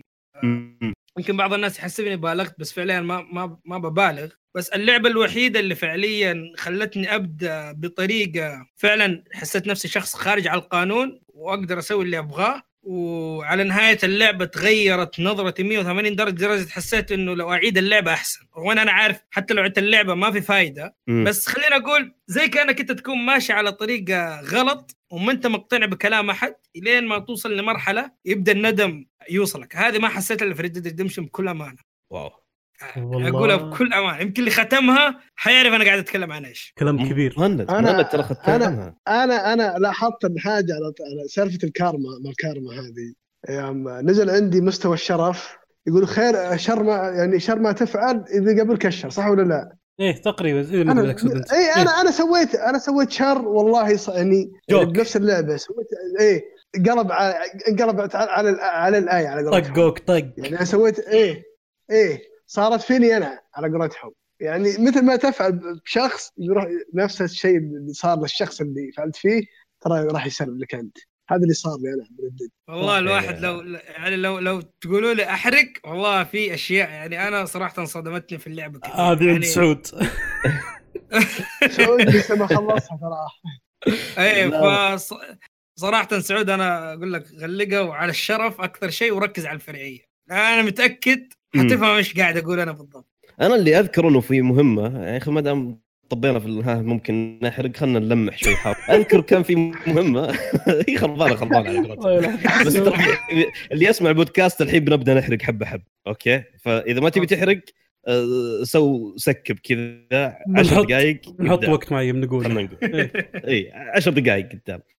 أنا أذكر يعني آه، على سالفة الشرف لما تتكلمون قبل شوي وذكر أحمد لما يكون الشرف عندك أبيض في مهمة خاصة تطلع لك صح ولا لا؟ إيه صح. أذكر إنه في chapter 3 أو 4 شيء زي ها- كذا. ها- هذه للأمانة اللي كسرتني يعني أنا ب- بعترف. أوه. طيب وش. هي هذه هذه تكسر والله تكسر المهمة ذيك. طيب؟ وش المهمة؟ طيب علمنا عشان يمكن ممكن مرت علي. والله هي المهمة مشكلة لو قلت آه، خلاص أنا حركت ردد كله. ما عليك من أحد تتكلم يا ابن الحلال إحنا قلنا تنبيه قلنا حرب ما عندك اعطينا. تنبيه. إيه، ما عندي مشكلة اعطينا تنبيه عادي روح خذ راحتك طيب آه طبعا آه آرثر في واحدة من المهام اللي بيسويها ل... يا أخي دائما أنسى اسمه الشخصية اللي كل لابس نظارات اللي معاه دفتر وبي بيخليك تروح تاخذ فلوس من ناس معينين هو أعطاهم الفلوس. آه الشايب عرفت. عرفت آه، okay okay okay عرفت okay عرفت عرفت. عرفت آه موجود هو في ال camp. معهم صح؟ أيوه أيوه اللي لابس. نظارات آه كانوا دكتور اللي مو دفتر اللي مو دفتر يسجل ال- المبالغ على ال- بالضبط هو الديون- ف... الديون. مم. ما صراحة الآدمي ذا غريب كل المهام اللي بتسويها له بتلاحظ إنه الناس ما تقدر تعطيك الفلوس اللي أنت تبغاها أيوه واحدة من المهام هي صراحة مهمتين مستحيل أنساها في مهمة. آه بتروح عند واحد مزارع المزارع هذا طبعا بتضربه على أساس تبغى تاخذ منه الفلوس وبيكح في وجهك في وقتها دم بيمسح الدم إيه. وقتها آرثر وبيجيك بعدين زوجته وولده أيوه وبس وبتطلب منه إنه بعد كذا ثاني مرة تاخذ فلوس رجعوها وتسيبه طبعا وتمشي بعد صحيح. فترة okay. بتجيك بعدين مهمة ثانية مستحيل كمان أنساها إنه برضه بيطلب منك فلوس أتوقع في Van Horn إذا ما خاب ظني المكان اللي كان أيوة. كله منجم فحم. فتروح ويطلع لك اللقطة اللي شفناها حتى في ال trailer اللي بتطلع لك آه، آه، حرمة كذا أو بنت خلينا نقول. واضح إنها كانت متزوجة ومعاها ولد صغير يكون خلفها. دائما كانت تطلع في ال trailer. فبتطلع بتقول له إيش تبغى؟ إيه. بيقول لها أنا أبغى فلوس وما فلوس من ذا الكلام. ف بتقول زوجي مات ما معايا ولا شيء من النهاية. إذا تبغى تقتل تبغى تضرب تعودنا على الهمجية حقتكم آه، سو. أنا ما عندي شيء. أوف. ما في إلا الولد هذا اللي معاي. كذا تحطك في الأمر الواقع. طبعا أنت يعني خلاص وقتها تكون واصل أنت على نهاية القصة. وتبدأ. تحس إن الأمور بدأت توضح بشكل أكبر. وبدأ الوضع يتأزم. فانا أنا من الناس اللي أعطيتها فلوس من عندي. هي أيوة. حتى انصدمت ال- البنت. فبعد ما أعطيتها فلوس جاتني مهام في فان هور لنفس الناس آه، اللي كانت طبعا في مهمة قبلها إنك أنت تقابلهم عند بيتهم اللي هي. اللي زوجها مات. طبعا هو أصلا مريض الكحف في وجهك فتقابلها شايلين عفشه من البيت وبينقلوا وبتعطيك الظاهر الفلوس وقالت ما ما عاد معايا فلوس بعدنا كل شيء عشان نعطيكم فلوسه. أوف. فأنت تقابل ال- البنت هذه نفسها وولدها في فان هورن في المنطقة اللي فيها المناجم حقت الفحم. مم. أنت لما تقابلهم هناك الولد يبغى آه، يشتغل في مناجم الفحم. الأم صار وضعها سيء جدا لدرجة إنه آه، صار يعايرون اللي هم الناس الموظفين اللي شغالين أو المنجمين حقين الفحم صاروا يعايروا الولد على أمه شغلتها. شغلتها للأسف يعني غير شريفة. ف. ف... فتيجي أنت بآرثر تشوف الوضع كله هذا صار بسببك أنت. أنت أنت اللي قتلت الأبو أنت اللي سببت في اللخبطة للعائلة هذه كلها. فيبدأ هو. يتدخل في في في حياة ال- حياتهم ويحاول يعدل. طبعا الأم قيدها كارهه شيء اسمه آرثر كره أعمى. ف سبت إنه قتل الأبو طبعا. بالضبط ولأنه اللخبطه كلها وتغيرت حياتهم بسبب أرثر. امم فصراحة كان موقفها مرة يحزن يعني تحس كذا إنك أنت أول أنت جيت مدرعم وضارب ومسوي فيها ودحين تحس إنك منكسر ترى مع أرثر فعليا. يعني أنت ما تحس بقيمة ال- لأنه في النهاية يجي على بالك لعبة. طيب okay ضربته هذا وانتهى بس ما يجي على بالك إنه الموضوع له أبعاد بتوصل أو Rockstar ممكن توصل الأبعاد حقت الأفعال اللي أنت سويتها لذي المرحلة. فبس تتدخل في حياتهم تحاول تعدل الموضوع. طبعا الأم ترفض. لين ما يجي هو. يقابلها صراحة في موقف كان يحزن. وبيبدأ يقول لها يعني أنت أم عندك ولد. صح اللي أنا سويته غلط. آه، مهما قلت ما راح يحل الموضوع. أو ما راح يرجع لك زوجك. لكن في النهاية أنت أم ومن ذا الكلام. هي تبدأ فعلا تبكي وخلاص كذا زي اللي كأنها فعلا بدأت تحس بالمسؤولية. وتأخذ من آرثر الفلوس. ويقول لهم لا تقولوا لي لا شكرا ولا ابى منكم شيء. بس أطلعوا من. المكان ذا وعيشوا حياتكم وخلاص فعليا كل الأشياء هذه لما تصير مع اللخبطة اللي أنت سويتها أول وتبدأ تشوف معاناة الناس مع بعض المهام الفرعية الثانية تبدأ تنقلك اللعبة من من الشخص اللي كان يصهب ويسرق وتحسه كذا قوي شخصية إلى شخص صار يفكر. بس إيه. أيوه وأنت تتغير معاه خلاص أنت تبغى اللعبة تنتهي على خير. ما عاد تبغى شيء خلاص. وموقف فيه كمية مشاعر صراحة. كذا أنت هذا وأنت تشرح الآن يعني أنا ما ما يعني خلينا نقول في كثيرين ممكن ما عاشوا التجربة هذه في اللعبة. لكن من شرحك واضح كمية مشاعر مره مرة كذا هذا. بس كلام أنا أنا ما قد شفته إلا في ردد للأمانة. أنا ما قد. شفت طيب. انك أنت تسوي شيء وتكون له ردة فعل غير في ردد طيب. عن بسألك عن نهاية ال- ال- المهمة هذه ما أدري إذا أنا يمكنني سويتها لأن مرت علي هذه الأحداث. أنا بحرق أنا ما علي يعني معليش يا شباب. مع الخير ما شكرا صح؟ باقي أربع إيه. دقائق الآن مو مو بنهاية ال- المهمة إنه طرد صاحب ال- اللي يأخذ فلوس من الناس صح ولا لا؟ أيوه صح صح. طبعا بعدها بس- بيروح هو ويطرد آه، أيوه بس. خلاص. يعني يعني, يعني شغلي اسمه- تمام. اسمه ليب يعني شغلي- ليب, ليب لوب أو شيء زي كذا. يعني شغلي تمام الحين أنا. ما فهمت قصدك. ما فهمت. وضح وضح. الم... أنا أقول شغلي تمام يعني أنا خلصت ال- المهمة اللي أغلب الناس راحت عليهم يعني. اللي هي وش هي؟ أتكلم عن قصة إنه يقتل آه، اللي بالمزرعة بعدين قصة كلبه. يقابلها اي والعائلة هذه اللي قربت أيوه بس أيوه. هو هو أتوقع آه، إذا ما خاب ظني إنه هو حيصير معك إنك أنت حتطرد الشخص ذا سواء في, في, في قصة أي شخص. بس كل أعتقد يعني. المهمة حقت إنك تعدل الغلطة آه هذه ممكن إنك أنت تفوتها لو إنك كملت القصة. ماني إيه. متأكد. لا أنا م- لا أنا مركز على ال- الأشياء هذه قبل لأني تأخرت جدا ب- بالقصة أصلا. يعني جلست أركز على الأشياء الثانية وخليت القصة يعني بعدين. هذا آه، كذا أنا أهنيك والله. فهذا اللي خلاني أنا أقول لك يوم قلت لي أنت قصة ال- ال- المراه مع الطفل هذاك يوم أعطاها الفلوس آخر شيء ذكرت إنه آخر شيء أطرد ال- جمع فلوس هذا. طبعا آه، في حاجة مهند يمكن كثيرين ما لاحظوها حتى أنا ما لاحظتها إلا بعد فترة. آه،. ترى يمكن انت ما ركزت في كلام. أنا قلت في البداية إنه كح في وجهه دم. أيوه. okay. أيوه الكحة حقت الدم هذه ترى ما هي عبث. هي اللي نقلت اللي المرض. اللي. سببت ل Arthur إيه صحيح. بالضبط. صح صح. والله ما حد دقق طيب ريحه خلاص stop حرق stop حرق وقفنا. اللي سووا إي اللي سووا سكيب قبل شوي يقدرون الحين يرجعون يسمعون طبيعي أمان ما في أي مشاكل ما قصر أحمد لو ترجعون تسمعون قبل شوي يعني أعطاكم الزبد على قولتهم حلو. طيب آه، بس بقول حاجة. باب آه، قبل دقيقة قبل- نقفل. أتذكر في واحد ما خلص اللعبة الأسبوع راح كل وقته قاعد على البوكر. بغى يلعب بوكر. ولا خلص من. البوكر راح يلعب آه شو اسمه يلعب بالسكاكين. شخص. يا ساتر. فاضي لابعد درجة. ما فكر في هذه واحدة من الأشياء فكر في المهام الجانبيه معطيه جو صراحة. والله أنا سمعت شباب. كثيرين يمدحون المهام الجانبية بقوة الرئيسية. ف والله. عجبتني ال mini games. كلام كبير والله. بالضبط. طيب آه ننتقل الحين آه نخلص كذا. stop نرجع مرة ثانية ل Red آه لأن ما شاء الله مثل ما قلت قبل الأسئلة أغلبها عن Red بالضبط. وعن الأونلاين والقصة والأمور. فالحين ننتقل Battlefield بما إنه ما شاء الله أحمد يعني من محبين سلسلة Battlefield فبنختصر الموضوع كذا بناخذ رأيه بشكل عام عن Battlefield 5 shortcut هل هي تغيرت؟ اي هل هي تغيرت؟ هل هي أه تحسنت عن Battlefield 1؟ هل هي مثل ما يقولون كثيرين يعني في كثير جالسين نسمعهم سواء في ال social media في اليوتيوب يطلع لك والله اللعبة copy paste من Battlefield 1 اللعبة ما تغيرت اللعبة كل ما لها تسوء أه سواء من قصة سواء من ناحية اونلاين ف وش تشوف أحمد الكيادي؟ أحمد ترى فيها مشاكل؟ طيب. فيها مشاكل يا أحمد. ترى اللعبة فيها مشاكل. آه هذه هذه أكبر آه جملة كنت أسمعها للأمانة قبل ما تنزل اللعبة. و... بس بعد ما نزلت اللعبة كثير تغيرت نظرتهم للعبة من ناحية إنه فعلا في اختلاف بينها وبين باتل فيلد 1 لكن هي المشكلة الأساسية الثيم حق اللعبة أو الفترة الزمنية اللي مختارينها ما هي بعيدة مرة عن الفترة الزمنية حقت الحرب العالمية صحيح. الأولى.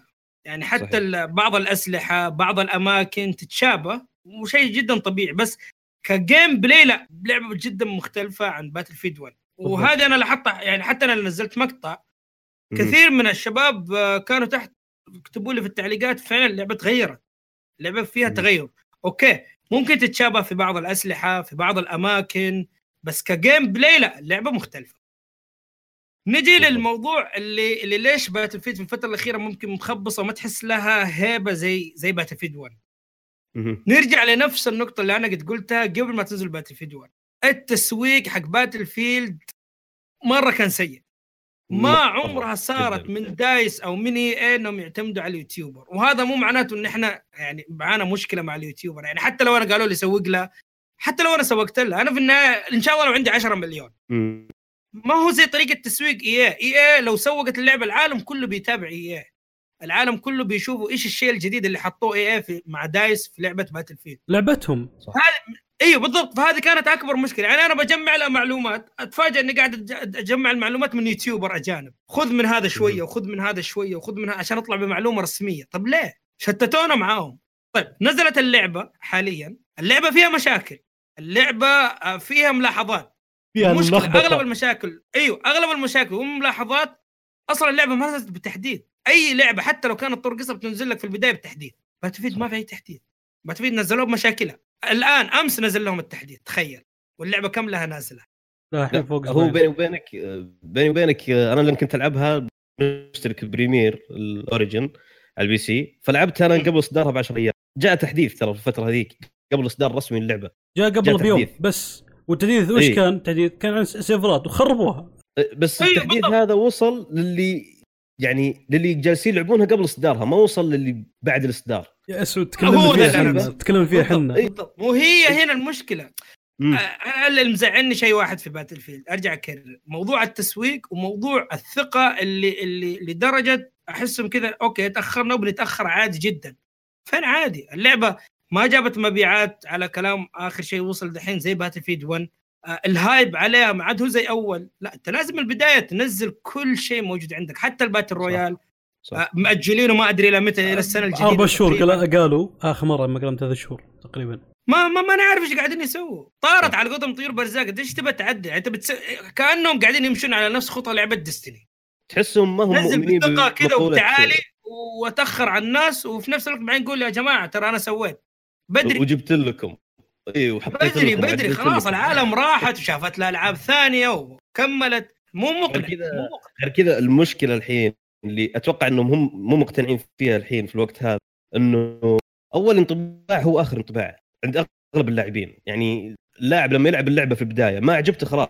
أو شاف مشاكل فيها خلاص. تمسك معه. أول. تمسك معه إي الانطباع هذا اللي يأخذه هو اللي بيستمر معاه بالضبط. عشان إنه- كذا عشان كذا أنا ذاك اليوم حتى تكلمت آه، على موضوع البيتا. أنا ما أدري ليش بعض الشركات يحسسوك البيتا شيء مو مهم. ترى في عالم تبني نظرة كاملة للأسف يعني البيتا. على البيتا بالضبط. صح. فالأفضل إنك أنت في البيتا تحط كل شيء موجود عندك. وفي نفس الوقت تقول للناس إنه ممكن ترى يتعدل ويتظبط مو تحط لي اياه ناقص وبعدين تقول لي والله لأنه في عالم ماخذينها كأنها test. عجبتني في البيتا أنا ممكن آخذها ما عجبتني. وهذا أكثر شيء حتى أنا بعاني. بقول للناس يا جماعة الخير تراها بيتا.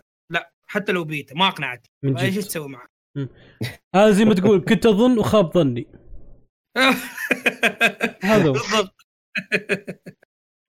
طيب القصة حقت باتل فيلد الجزء هذا أبدعوا فيها تميزت عن الجزء اللي قبل؟ ابدعوا فيها من ناحية المشاهد السينمائية ال cutscene بس من ناحية ال gameplay يعني بدون مبالغة سيئة بشكل الله أكبر. ذكرتني بأيام آه يمكن أقدر أقول لك زي كيل زون آخر جزء أو أول جزء آه، الله 4. الله أكبر. الله. أكبر. أخيرا في واحد معي. ما, ما عجبتني والله. طريقة. اللعب ذكرتني ب... بألعاب البلاي ستيشن 2 بلاي ستيشن 3 ما في إلا اكشن بس أنا اكشن صدمت. يا لب ما في ذكاء حتى اللي ضدك. اوقف. قدامهم واشيل خمسة ستة عادي الموضوع جدا. يمشي يشطفك عادي. أيوه عادي يعني ما ما حسيت. على طول كأني قاعد ألعب لعبة arcade في ملاهي كذا عارف شو- لعبة حربية. شفت يا سعود أنت مطبل أنت مطبل حق إي اي أنت. أنا أنا أنا يعني. احب باتل فيلد وعجبتني المشاهد السينمائية والقصة حلوة لما قا... يعني أنا لعبت اللي هي حقت آه، ال- ال- البريطانيين لما دخلوا على حماده وما حماده تجي الجزائر إيه إيه. ديك اللي لعبتها جزائر. أتحمست؟ وتشرشل ومدري إيه وجايبين قلت أنا بس خلاص دحين بيقوم طحن. وصلت حماس. فل حماس الحين. بس تكتشف إيش؟ جيم جيمين. إلين ختمتها وأنا أنا منصدم. منصدم. فعليا منصدم. فين باتل فيد 3 بات فيد وين أحسن فين باتل منها؟ فيد باتل فيد 1 1 أرجل منها بكثير. الله أكبر. مو من ناحية القصة ولا من ناحية المشاهد السينمائية. من ناحية الجيم الجيم بلاي بلاي طريقة اللعب. أوكي. شيء شيء مخجل للامانه بس أنا من ناحيتي صراحة يعني أشوف الشيء اللي أبدعوا فيه في الجزء هذا يا مطبل. المشاهد السينمائيه تح... لا والله المشاهد السينمائية تحس إنك جالس أتفق تتابع معك. فيلم. أتفق معك. جالس تتابع فيلم فعليا. يعني من ناحية إخراج تصوير آه، رسومات و graphics ما في نقاش بس لا الكلام. بس اونلاين أتفق معك. قصة gameplay ال gameplay حق القصة سيء لا. الاونلاين الأونلاين أنا أشوفه صراحة تحسن بشكل كبير. لا ما تحسن صدقني. مع مشاكل الأونلاين أنا ما أقدر أحكم للأمانة.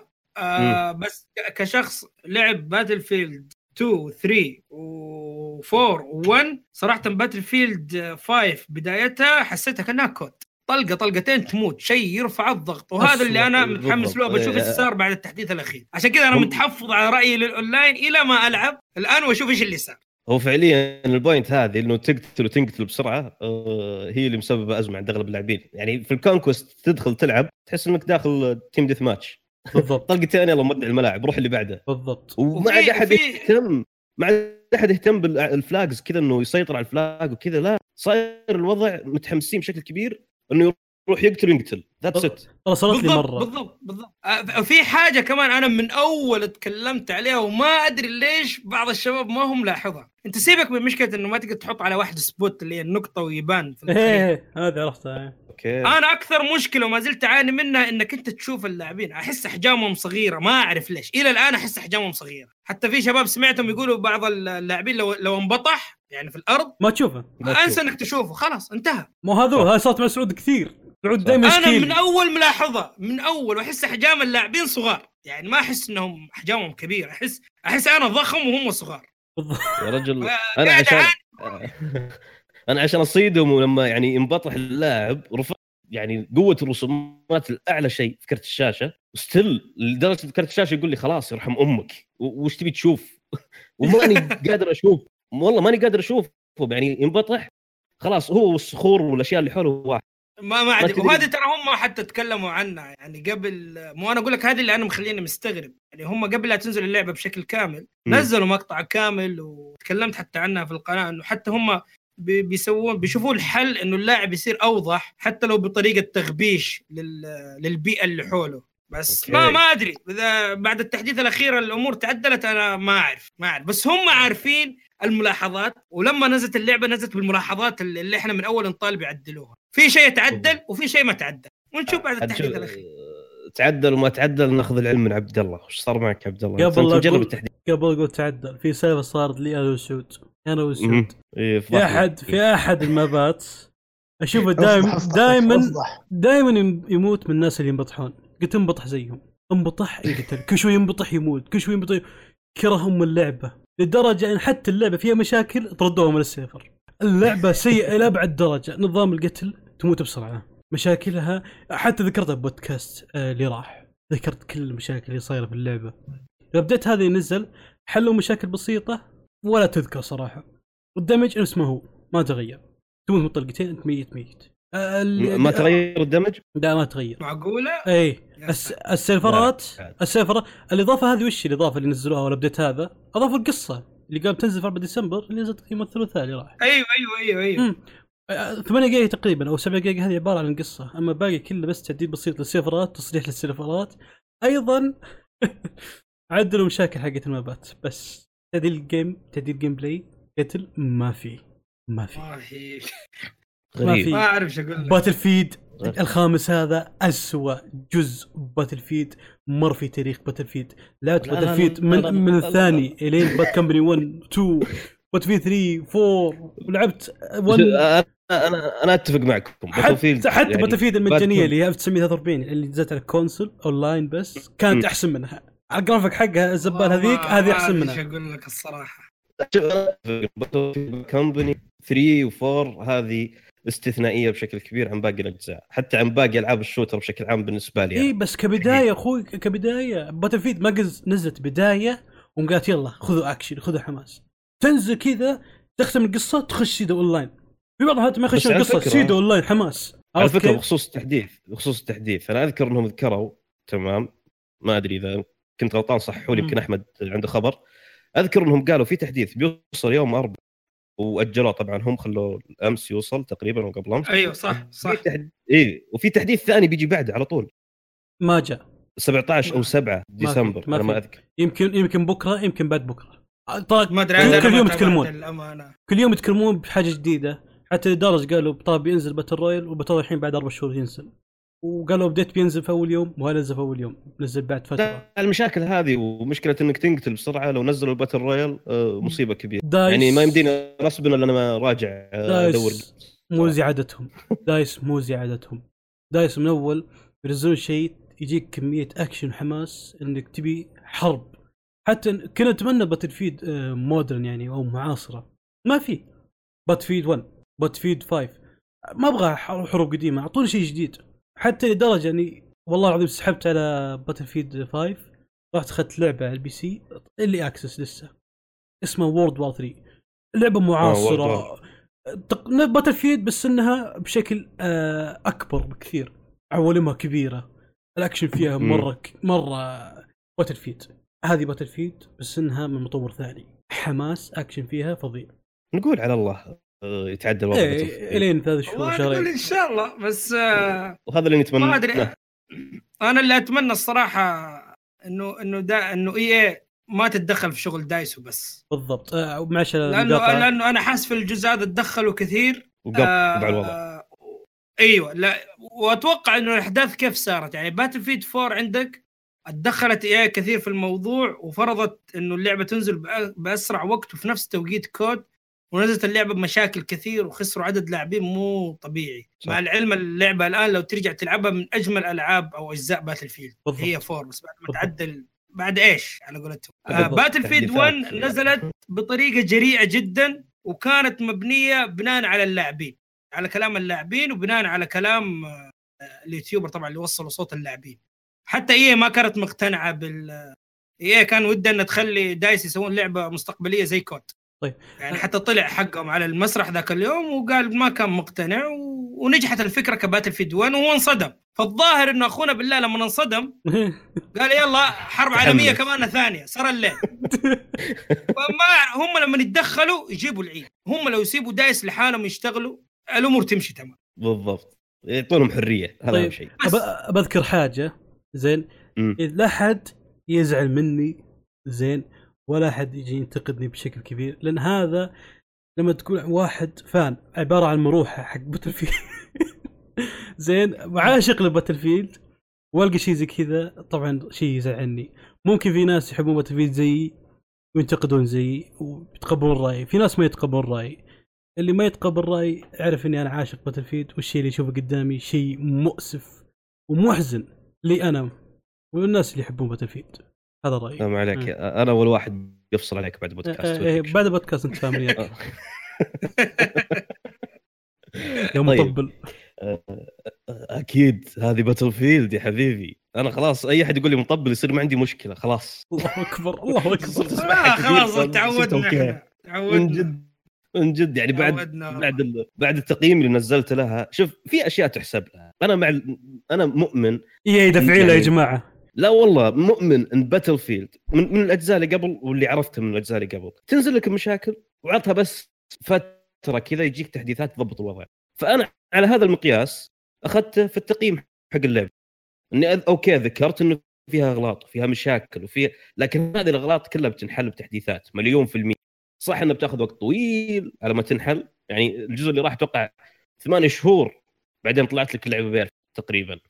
فهذا اللي بيصير مع باتل فيلد 5 فأنا أقيمها على المستوى اللي موجود من ناحية الأشياء اللي تغيرت وحسنوها في اللعبة من ناحية ميكانيكية الحركة التحكم. الحركة أنا أشوف إنه صار أسرع من باتل فيلد 1 صراحة. يعني كان ثقيل في باتل فيلد 1 باتل فيلد 5 صح صح. أتفق معك. الحركة صار فيها سلاسة أك... يعني يوم تركض صار أذكر زي ما, ما باتل فيلد 4 و3 يوم تركض تتحمس إنك تنطمط من كثر ما اللعب سريع متخيل فهذه برضه. تحسب له. فهذا من باب يعني إنه نكون منصفين. الشيء اللي بيجي له تحديثات لا نظلمه ونخليه يعني من الجانب السيء ويأثر على تقييمات اللعبة. أوكي أنا أقيمها لك من جانب إنه بتتحسن وكلنا عارفين ويمكن حتى أحمد الكيادي وغيره برضه من جمهور وفانز. باتل يا- عارفين الشيء هذا. يا رجل إذا حاجة بقرأ قرونه حلت مشاكل. لا صدقني إيه. طيب. آه الحين نقفل باب باتل فيلد. نروح للأخبار اللي صارت في الفترة الأخيرة. آه الأخبار المشعلله آه مع أخونا عبد الله. عطنا أخبارك أبو عابد وراح نتناقش فيها. وركز لي بالله على فار كراي لأنه شوف فار كراي أبى اخليه آخر شيء. متحمس له والواضح والواضح إنه الجمهور حتى متحمسين للجزء شوف أبى. اخليه آخر. شيء عشان ما. ألخبط. عشان ما ألخبط آه، المجموعه اللي قدامي. جميل. آه، الخبر اللي أشوفه كويس أنا أو ممكن يحبونه حقين الإكس بوكس. ان في 100 لعبة راح تضاف هذه السنة خلال فترة قصيرة. على خدمة ال backward آه compat إيش يسمونها بالحلال قمت أكلج بعد أنا. الخدمة حقتهم حقت ألعاب اللي قديمة تقدر تشغلها على الاكس بوكس. أيوه اللي هي ال backward compatibility إيه ال backward أيوة. وفي 57 لعبة من ضمن الالعاب المية هذه راح تكون إكس بوكس 1 إكس enhanced معدل ال 4K آه nice. أو قالوا إن أغلب الألعاب هذه آه راح تنزل قبل January 2000 في السنة الجاية 2019 جابوا طاري وش الألعاب طيب؟ آه ما ذكروا الألعاب. لمحوا. ما ذكروا الألعاب. ذكروا إن فيه ألعاب كثيرة. بس مجموع. الألعاب اللي راح يطلع عددها كامل 550 لعبة على الخدمة هذه أو خدمة التوافق يسمونها. آه و57 منها حقت إكس بوكس 1 إكس enhanced بس still يا أخي بس still يعني الخدمة هذه أنا ما قاعد أشوف إنها تؤدي أداء كويس. خصوصا بعد الإحصائية اللي طلعت قبل فترة. لا الإحصائية اللي طلعت قبل فترة من خدمة آه، بلاي ستيشن ناو مع إنها محدودة في دول محدودة جدا متفوق على كل الخدمات متفوق على اوريجن اكسس متفوق على إكس بوكس جيم باس. مع إنها على كل موجودة في كل الدول ب- برضو متفوق. ت- تدري فأتوقع إنه بسبب اختيارهم للألعاب ما أدري تتفقون معي الألعاب اللي قاعدين يختارونها ما هي بذاك الألعاب بتفق معك في حاجة واحدة. روح. اسمع بتفق معك في. حاجة واحدة. زين. إذا حطوا الاكس بوكس لايف مع إكس بوكس جيم باس زين. عشان الناس يستخدموا الألعاب القديمة مع الألعاب اللي حاطينها في إكس بوكس جيم باس ومع الخدمة هذه صدقني مايكروسوفت بتكسر الدنيا. هي شوف في النهاية ما أدري تتفقون مايكروسوفت أنا أتوقع إنهم أنا أنا أنا شخصيا والله لو إكس بوكس يسوي اللي يسوي. بالنسبة لي انتهوا. والله. والله. يعني معليش بعطيهم ما بصمة بعطيهم بصمة أحمد. يعني أنا أنا أغلب لعبي على الاكس بوكس وجهازي الرئيسي الاكس بوكس بس للأسف آه خلاص طار تطوير برزاق. إيش بيعدل هو في. النهاية ال- الميزه اللي موجودة في الإكس بوكس في البلاي ستيشن اللي هو الحصريات. إذا بالضبط. طارت الحصريات ما عاد ينفع. يعني ما شاء الله حقين البي سي دحين يركب لك سيميليتر ويلعب لي الألعاب القديمة. بالضبط حقين بي سي. بالضبط. أيوه فبقصد إنه ما ما صار في شيء مميز في الاكس بوكس ما صار شيء مميز في الاكس بوكس غير الناس اللي اللي ممكن آه آه تفهم أكثر بحيث إنه يعني أقصد تدور على سيرفرات ممتازة تدور على خدمات آه استقرار اتصال. أيوه بالضبط ثبات الاتصال. الأمور هذه حيتوجه على الاكس بوكس بس. إذا أنت هذا كله ما يهمك حتاخذ البلاي ستيشن من النهاية. ألعاب. بلاي ستيشن باعت وانتهى الجيل هذا. يعني فكرة إنه الاكس بوكس يرجع للطريق والله خلاص أنا أشوف انتهت وأشوف إنه يركزوا على الجيل الجديد. ويتفادون أخطائهم أفضل من آه، الجيل الحالي. ما في ما في ما في ألعاب بجودة حصرية بلاي ستيشن صراحة يعني. بالضبط. حتى. الآن ما والله في- الإكس بوكس عندهم والله عندهم. بس عاد ما في اهتمام الاداره الاداره سيئة جدا.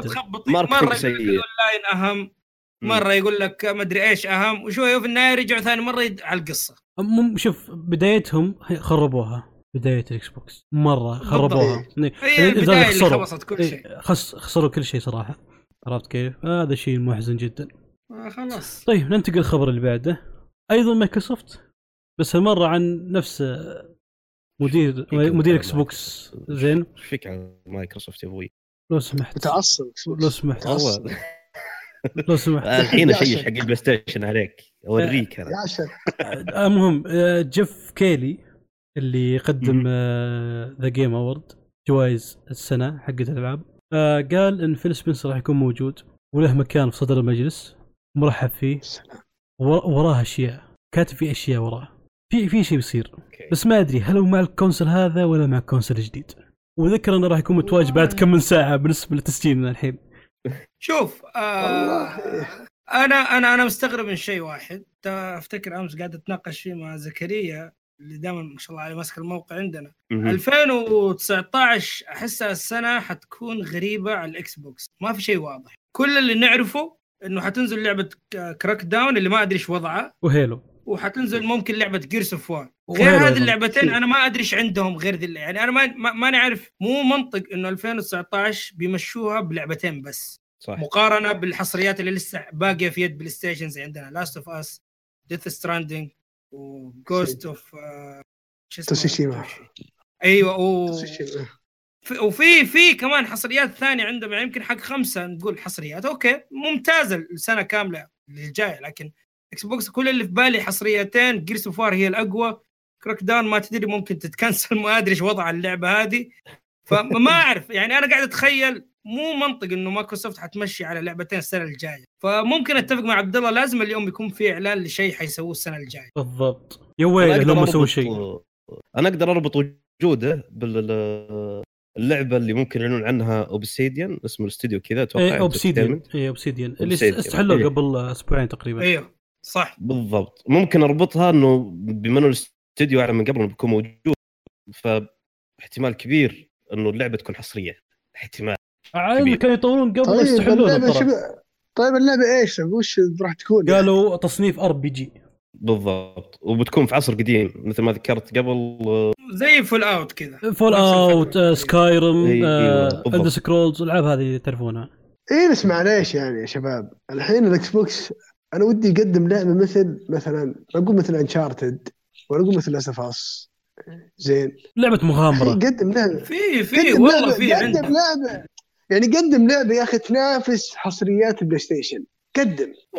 هو هو مهند زي ما قلت لك الجيل هذا خلاص انتهى الجيل هذا انتهى. راحت عليهم طيب أنت تتوقع يعني. ان الجيل الجاي يعني بي بي راح خلاص مثلا الاكس بوكس أو مثلا الاكس بوكس راح يمشي على الطريق أو راح يرجع للطريق. أنت تتوقع إن الشيء هذا مثلا؟ إنه لا. 2019 أو 2020 أيوه يقدروا بالراحة إيه، سووه مع إيه، إكس بوكس فرصتهم. 360 سووه مع أنا إكس بوكس داري. 360 بس أنت ت- البلاي ستيشن راح يخليهم يعني لهم ال- على قولتهم آه، لهم المجال أو شيء ما أتوقع يعني ما حد ما حد ما في شركة بتخلي الثانية تمام؟ لكن أنت تقدر ترفع سقف المنافس تمام؟ بالضبط. بالضبط حيكون التحدي في لكن على قولتهم آه،. على أسخن شيء. بالضبط. لكن أنت تقعد كذا زي الحين الاكس بوكس حق يعني في الفترة هذه ما تنزل شيء. تتفرج. اي وبلاي ستيشن هناك تجلد فيه. وانت جالس مكانك آه، سر والله شوف. أنا أنا أنا صراحة أنا صراحة صرت أتشائم أنا ما أقول لك إني أنا متعصب بلاي ستيشن لاني أحب بلاي ستيشن لا بس أنا يا أخي أبي المنافسة بينهم يعني تكون رهيبة يعني أشوف اكله السوق الآن بلاي ستيشن. صح ولا لا؟ يعني بالضبط. أنت أنت قدم شيء 2019 خلاص هو آخر مجال لك أو آخر سنة لك إنك تقدم ألعاب عطنا وش اللي عندك أبي شيء قوي مهند إذا ما في منافسة ما ما ما انت مستفيد ولا أنا مستفيد ولا أحد مستفيد من اي أنا أبي شيء أنا أبي شيء أرجع شوف الاكس بوكس عندي الآن؟ غبار صراحة. بالضبط زيك أبي أنا زيك أكون أبي شيء صريح أرجع إيه. الاكس بوكس أبي شيء يرجع أرجع الاكس بوكس خلاص ألعب فيه. لا إلى الحين ما أنا ابي أبي لعبة بجو- بجودة ألعاب بلاي ستيشن ما الان ما حصلت صراحة. أو أفضل ممكن أفضل بعد. ليش لا؟ ممكن أفضل ممكن بس إحنا تعودنا على حصرية البلاي ستيشن عموما. المهم خلينا نوقف الموضوع هذا يضيق طيب صدري صراحة أنا آه أوكي شايفك. الخبر شايفك متعنصر. آه الخبر اللي بعده نرجع ل... أنت عنصري ما تفلت. نرجع نرجع لروك ستار جيمز آه. يقولون آه إن روك ستار ريد ديد أون لاين آه لما يخلص البيتا وينزل كامل اون لاين ما راح يضيع عليك ال progress حقك الإنجازات آه الأشياء اللي جمعتها. الأشياء اللي سويتها ما راح يضيع عليك إلا راح تبقى زي ما هي. آه فلوسك. عندك أحمد عندك أحمد آه هنا. آه والله أنا أنا أنا أنا قريت الخبر و- ولسه الصورة ما هي واضحة. بس آه، خ- خليني أقول لك هم إيش اللي كانوا يقصدوها وإيش اللي فهمته أنا من ال post حقهم الأخير. اللي فهمته آه، كثير من اللاعبين كانوا يسألوا نفس السؤال هذا. يا جماعة بيضيع علينا ال progress هل الأشياء اللي سويناها بتضيع علينا؟ لأنه هم نزلوا قبل كذا post وقالوا في احتمالية إنها تضيع. في احتمالية إنه كل هذا يروح بناء على المشاكل اللي حتواجههم حيقرروا بعد. فكان إجابتهم بكل بساطة وشفافية إنه حاليا إحنا ما عندنا تركيز على موضوع إنه هل ال progress حقك حيضيع أو لا. يعني ما عندنا أي شيء نقدر نضيفه. يعني حيستمر الوضع زي ما هو. ليش؟ لأنه إحنا مركزين إنه نبغى السيرفرات تكون آه، كويسة إنه الأسعار تكون موزونة اللعبة بشكل عام موزونة كمان. هو هذا اللي حنركز عليه في الأيام الجاية. موضوع ال progress وما ال progress إلى الآن يعني زي ما تقول موضوع معلق. لا هم اللي نفوا ولا هم اللي اكدوا بس هم. زي اللي يقولوا ترى إحنا مركزين على ال- الأونلاين يكون ممتاز. هل الموضوع هذا بعدين. بس لا تشيلوا هم. وبس. جميل. آه الخبر خش على اللي بعد؟ اللي قبل الأخير آه شو اسمه روبرت آه و- وايت اسمه تقريبا اللي هو مخرج آه مسلسل هيلو ترك المشروع. ما في حين مخرج لمسلسل هيلو. آه، فيمكن توقف. مايكروسوفت ممكن توقف المشروع حق المسلسل. مشكلة. آه، أنا توقعت فيلم بس قالوا لا مسلسل. مسلسل لهيلو. سمع فيها من زمان هذه مم. المسلسل أصلا. ترك مم. ترك المشروع وقال آه، أنا تركت آه، اكتفيت باللي سويته. ما عندي شيء أسوي باقي. طلع قال أنا- اكتفيت وهو ما ما خلص. آه، راح ينضم أنا راح ينضم لوش هو راح ينضم لفريق زي ما يقال فريق اللاعبين اللي متحمسين للمسلسل. وظنتي المسلسل ما راح يخلص ولا راح ينتجونه ولا يطلع للناس كلهم. أنا أنا أتذكر معلومة إنه كان اللي بيخرج المسلسل مدري الفيلم كان ستيفن سبيلبرغ, سبيلبرغ. لا لا. تعرفونه هذا المخرج حق أفلام. بيكون بديل له يعني؟ إيه لا لا. من زمان أول ما طلع خبر المسلسل مم. كان أذكره ستيفن سبيلبرغ طلع الظاهر بإي 3 أو مدري إيش إنه في مسلسل هيلو. كان هو اللي الظاهر بيصير المنتج أو مدري إيش. طبعا ستيفن هذا مشهور بأفلام مشهور بأفلام الجوراسيك و- والجوراسيك بارك اللي هو حديقة الد- الديناصورات آه انت قصدك أنت قصدك نفس الشركة اللي بتنتج المسلسل يملكها آه السينمائي آه اللي هو لا ستيفن. هو لا لا, لا هو لا, لا هو راح يخرج أذكر المسلسل ما أدري الفيلم. أنا أنا أتذكر إنه ما أدري هل هي صحيحة ولا لا أنا أتذكر هو هو مؤسس الشركة هذه وله مخرج اللي هو المخرج هذا يطلع الآن. اي كان من ضمن ال ال ال ال ال الطاقم. شو اسمه الطاقم كان هذا إيه ستيفن سبيلبرغ هذا الم- المخرج هذا المشهور. بس بشكل. عام يا أخي ما ما, ما في شيء يحمس إنك تشوف مسلسل أو فيلم. يعني أنا عشت الأحداث هيلو. لعبتها. أنت تتكلم عن هيلو. حتى لو هيلو. هيلو. يا أخي شوف أساسنز كريد يعني حتى يوم شفته تحسه بعيد عن أجواء أساسنز كريد جدا يا رجال. حتى الممثل الآن الممثل ترى هذا آه شو اسمه آه نسيت اسمه راح من بالي صراحة. وش هو ستيف؟ حتى الممثل يا أخي ترى اي حتى الممثل اللي أدى دور أساسا بالف- بالفيلم ترى ما لعب بال- ما لعب باللعبه أبد. اضطر. اضطر إنه اي اضطر إنه يلعب أجزاء اساسن كريد عشان يعرف وش الموضوع أو إيش مرة خشمة. اي الفيلم أنا صراحة أنا الفيلم ترى صراحة أعجبني. أعجبني من ناحية بس كان كان أحداثه سريعة ما أدري إيش ما جابوا لك يعني الأشياء اللي كانت موجودة في اللعبة نفس إيه. القصة ما إيه. جاب لا ما جابوا لك بدايات ما ما جاب لك بدايه الاساس كيف أو منين طلعوا. من إيه فهمت علي؟ أما لو. جابوها. جاب لك أحداث سريعة أحداث. سريعة بس الممثل صراحة أبدع صراحة كشخ يعني ككاريزما كشخصية كشكل كذا يصلح كأساس صراحة اختاروا شخص مميز يعني ممتاز للدور عشان ما نشطح عن موضوع الألعاب ندخل بالأفلام ندخل بالمسلسلات ونضيع نوقف من هذا هو آه. أنا أنا بالنسبة لي شفت قبل فترة فيلم لهيلو إيه. جيد. جيد نوعا ما بس آه أنا أنا أنا شخصيا أشوف إنه ودي أشوف آه مايكروسوفت يركزوا على ألعاب أكثر يعني هم لو نجحوا إن شاء الله في الحصريات في الفترة الجاية ذيك الساعة يسووا فيلم ومسلسل وأنمي براحتهم. اي أي شيء. سووا أي شيء بعدها بس أهم شيء يجيبوا ألعاب أي بس. حاليا focus أيوه على مثل ما الألعاب مثل ما. تسوي سوني سوني الآن له الآن مونتاج الأفلام غير الألعاب طبعا أيوه أنت كم قسم بلاي ستيشن غير عن سوني نفسها أصلا بالصوت اي أقول لا لا لا لا أقصد أنا شركة سوني عموما اللي تحتها بلاي ستيشن وتحتها علامات التجارية الثانية أنا فاهم إيه. أنا أقصد انه إيه لهم قسم نجاح. سوني. لهم س- ناجح بعد مم. ناجح بالعالم. عندهم يملكون شخصية واحدة اللي هي سبايدر مان يا ولد قلب بودكاست أفلام يا ولد شو القصة؟ والله يا أخي لا تخلي لا تخلينا درع بالمسلسلات والافلام لا لا يا ابن حلال شيء. فكرة فكرة. طيب اخر آخر خبر. سعود عندك إياه تقريبا أقدر أقول؟ لا لا عطنا الخبر أقوله؟ عطنا خبر. إي عطنا عطنا. طلع طلع تشويقه. الخبر اللي ما يحمس. إيه تشويق كذا شيء بسيط كذا طلع بوم انفجار قالوا فار كراي. وقالوا راح يكتمل العرض هذا كامل بعد كم من ساعة اللي هو في جوائز السنة. إيه بس تسرب كل كل شيء إيه. تسرب. آه، شيء بسيط مو كله. بس طلع طلع بوستر طلع. بوستر حق طلع. البنتين. إيه. حق البنتين. أيوه. وفي واحد متعلق مدري مسكينة ظهر سيارة مدري فوق سيارة رابطينه إيه. ومشكلة بنتين من البشرة السمراء زين. آه، ومعهم أسلحة حديثة أقدر أقول. crossbow ومسدسات فخمة وحركات design يعني بعيد عن الفترة اللي كان في الجزء الخامس. ممكن ممكن. ان هم حاطين في البوستر لا نفسه. أتوقع أنا بنفس الفترة أتوقع حط- نفس حاطين نفس ال- الفترة أتوقع. إيه، حاطين الساعة نفس الساعة اللي في موجودة في فار كراي 5 ونفس علامة ال... إيه. هذا المعبد حقتهم استغفر الله. لا هو التوقعات اللي حاصلة؟ ما أدري ممكن ممكن تضبط ممكن لا. بس ال- ال- الشخصيتين الجديدة هذه البنتين اللي راح أتوقع إنهم بيكونون هم الشخصيتين الشريرة الجديدة في السلسلة. ممكن بس آه. ماشي مقاطع ماشي مقاطع. اسم الجزء فار كراي نيو دان نيو دون فجر جديد يعني إيه وفجر جديد وفجر بطيخ المهم أنا آه. كنت أتمنى إنه نشوف تكملة وش صار على جون سيد هو اسمه جون سيد إيه إيه. إيه الظاهر ذاك أنا ما ما هذاك- كملت للأسف هذاك طال عمرك فك سبرنت برا الدولة. أتوقع لا بس بشكل. عام أنا حتى من الجزء اللي فات ملاحظ أوكي يحبكون الشخصيات؟ يا أخي شخصية رهيبة شخصية رهيبة. هذا هذا تحديدا الجزء الخامس. أكثر مم. شخصية عجبتني في الألعاب كلها.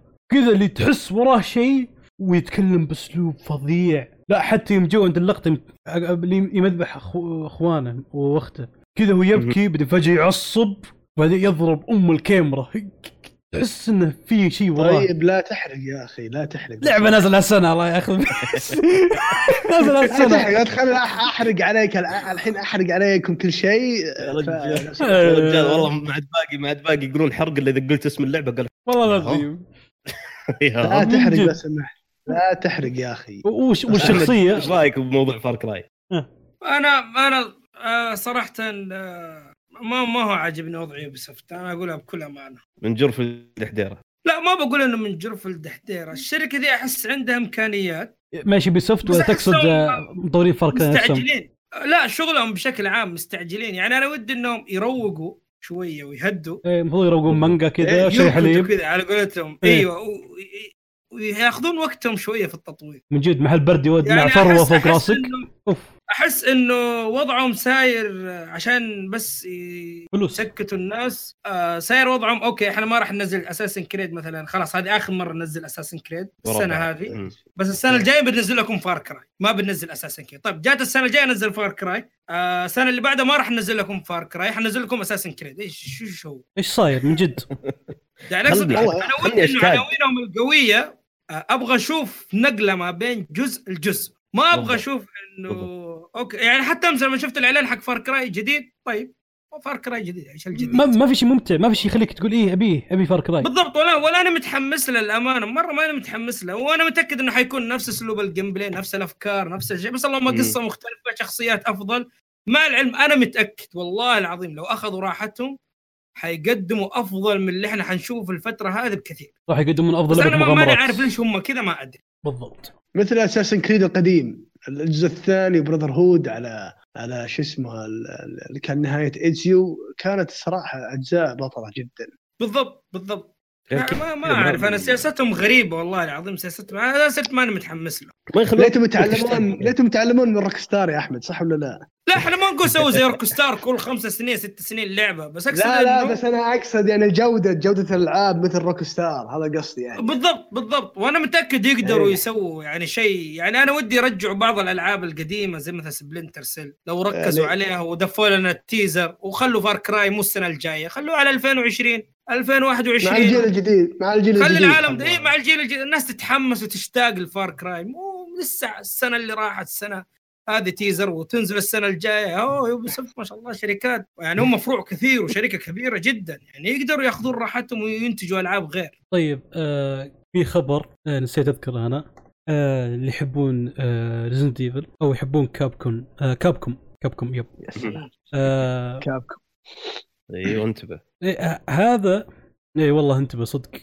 آه جيب العيد والله والله إن جبت العيد بيختفي حسابنا كله. الله يستر. إي والله الله يستر. آه ذكروا في الموضوع حقهم إن في لعبة جديدة آه من نفس Capcom آه اللي هي أغلب الناس قالوا ممكن تكون Dino Crisis جديدة. يا سلام. والناس متحمسين لدرجة إنهم حطوا هاشتاج. Dino Crisis remaster كاتبين كذا. مو مت... ما أتوقع انها remaster أتوقع إنه شيء جديد.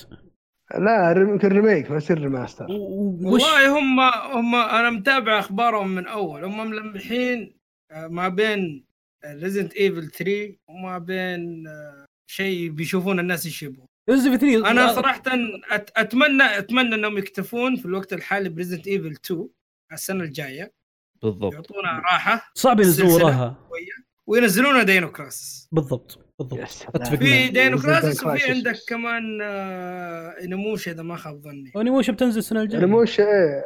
آه، بس بيكون على شكل بس إتش دي دينو كراسس أحس الناس متحمسين لها لسبب واحد. أول شيء شخصية. فكرة آه، ديناصورات. آه، شبه اختفت الفكرة هذه من عالم الجيمز خاصة مع. الجيل من. التسعينات. من التسعينات مختفي أصلا. أيوه وغير كذا السلسلة كانت نهايتها جدا سيئة. فأتمنى أن. يرجعوا لنا إياها بالأجزاء اللي انشهرت.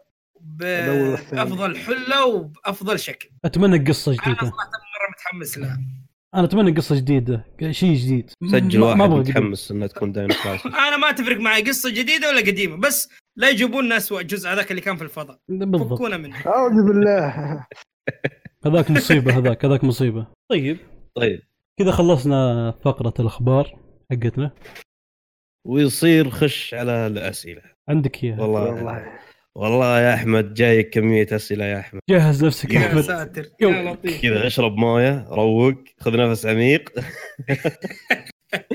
لا زين لا. تصدمه. رجاء لا تصدمه يا سود شيش ويش على هداوة. اي كذا. نبدأ بالتدريج. طبعا آه، بحاول قد ما أقدر إنه ناخذ أغلب الأسئلة و يعني ودنا كذا نستعجل شوي بالنجاوب يعني نجاوب عليها أو في أسئلة. نجاوب أحمد عليها على السريع. في اسئله في آه، الانستغرام في اسئله في تويتر ترى. اي بالضبط. باخذ من هنا ومن هنا.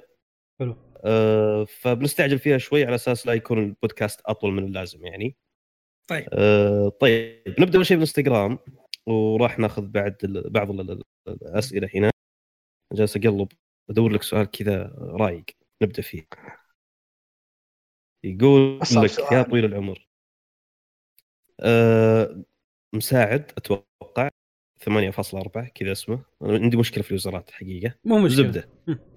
يقول آه هل Red 2 بتكون الأفضل في تاريخ Rockstar حلو شو؟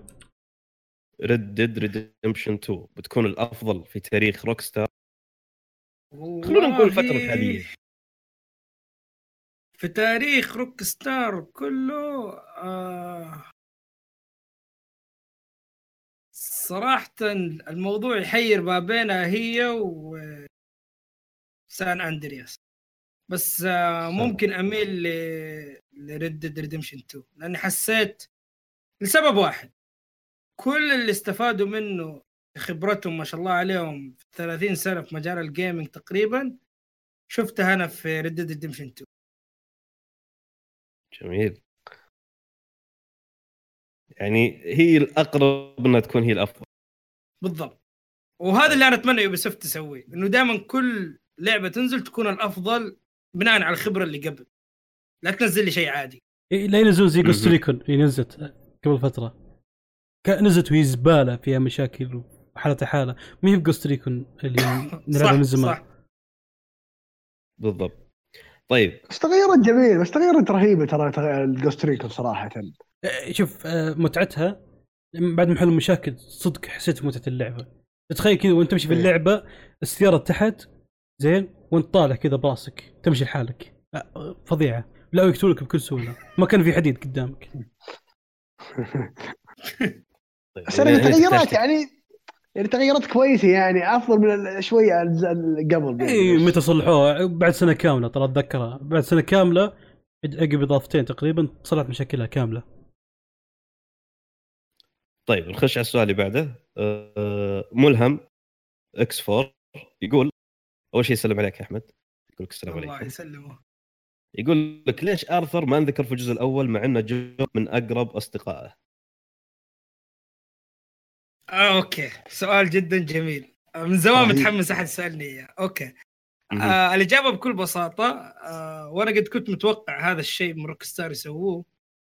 حسيت إنه آرثر آه بشكل عام ما بقول إنهم كأنهم فجأة ألفوه بس خليني أقول عشان اللعبة لها أكثر من نهاية أو أكثر من طريقة نهاية فما وضحوا آه، ذاكرة جون عنه إيش بالضبط.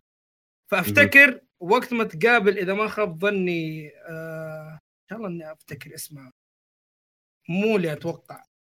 أتوقع اسمها مولي. أو ما ما مالي شيء زي كذا.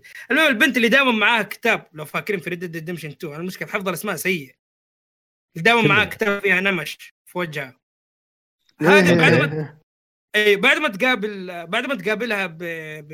بجون مارستن فتساله عن آرثر. وافتكر إنه بتقول له ليش أنت ما, بتتكلم عنه دائما وهو ذا السؤال اللي أنت سألته. فكان إجابته بكل بساطة أنا ما أحب أتكلم عن آرثر كثير لأنه بكل بساطة آرثر دائما في بالي فما يحتاج إن أنا أقعد أتكلم عنه. فهذه كانت جميل. أفضل إجابة وأفضل طريقة إنها روك ستار تخلد آرثر بطريقة بحيث إنه مهما كانت النهاية الإجابة تكون مقنعة نوعا ما.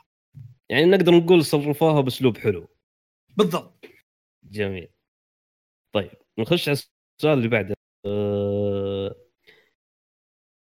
آي إتش إتش 1 إتش. يوزرك يا صاحبي جميل جدا. عموما هل تشوف من حركات وأفعال شخصية جون مارستون في الجزء الأول مأخوذة من آرثر مورغان أو بالعكس آرثر مأخوذ من جون مارستون في الجزء الأول؟ يعني بسبب العلاقة اللي بينهم. يعني قصدك إنه آرثر له تأثير على جون مورستون أو العكس. بالشخصية. اي من اللي تحس إنه مؤثر شخصيه الثاني بشكل أكبر. هل آرثر الثاني. إيه أوضحها. هل آرثر مورغان مؤثر على جون مارستون ولا العكس؟ كشخصية. بالضبط. أتوقع إنه آرثر اللي مأثر على جون. حلو. وهذا الشيء ترى حيكون مرة طبيعي. والأكثر من كذا إنه حتى لو كان يعني ممكن البعض يتفق إنه آرثر مو بس مؤثر. ممكن حتى يكون آه، زي الاخو الكبير. أتفق 200% وفي أحداث يعني بتثبت فعلا.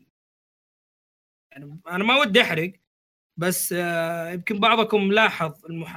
إنه جون في فترة من الفترات اختفى لمدة سنة تقريبا على كلامهم في البدايات. لما بيسألوا آرثر أنت ليش زعلان من جون أصلا؟ ليش دائما كذا. معاه حمقي حار تبي تتضارب معاه كأنك قال لسبب واحد هو في مرة اختفى لمدة سنة كاملة انه طايش. ما هو حاسب المسؤولية. ومين اللي كان مسؤول عن عن ولده؟ جاك أو عن أبيجيل؟ كان آرثر. حلو. فعشان كذا بتلاحظ حتى أبيجيل دائما بت بت بتقول لجون في أغلب الأوقات ولدي ولدي. أحيانا ما بتقول له ولدك. هذا اللي خلى بعض الناس يطلعون بنظريات شاطحة كمان عن أبيجيل إنه ممكن okay. جاك مو ولد آه، جون لأنه ما بتقول له دائما ولدك. دائما بتنسى. لكن أنا في نظري أشوف إنه خلال السنة هذه اللي اختفى فيها آرثر خلاص. من كثر ما يهتم في جاك صار له موقف واضح من من جون. وجون بدأ يتغير لما لاحظ إنه آرثر فعلا مهتم واللي ختم اللعبة حيلاحظ شيء طبيعي كله تأثير. لأنه هو الوحيد فعليا اللي وقف معاه بعكس داتش جميل. يعني نقدر نقول إنه جون هو اللي متأثر بأسلوب شخصية آرثر. بالضبط. جميل. طيب في سؤال هنا أنا كنت صراحة قبل قبل. زين. في واحد هنا محزني صراحة من التغريدة اللي مقتبسها أحمد. واحد اسمه محمد إكس؟ جيمر. يقول مشكلتي في الحياة إن أسئلتي ما تخلص بس تكتب هيا اسألوني. المخ ينعصر ضيع وأنسى كل. شيء محمد إكس جيمر المرة الجاية إن شاء الله محمد إكس جيمر يعطيك العافية. صاحبي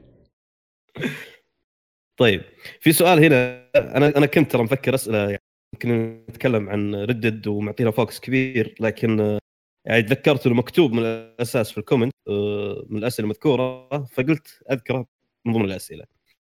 آه، ايلي أتوقع ال user حق 11 كذا مكتوب آه، يقول لك هل راح يضيفون طور الزومبي مثل ما صار مع ردد 1 وإذا أضافوه هل راح يكون مجاني ولا بفلوس؟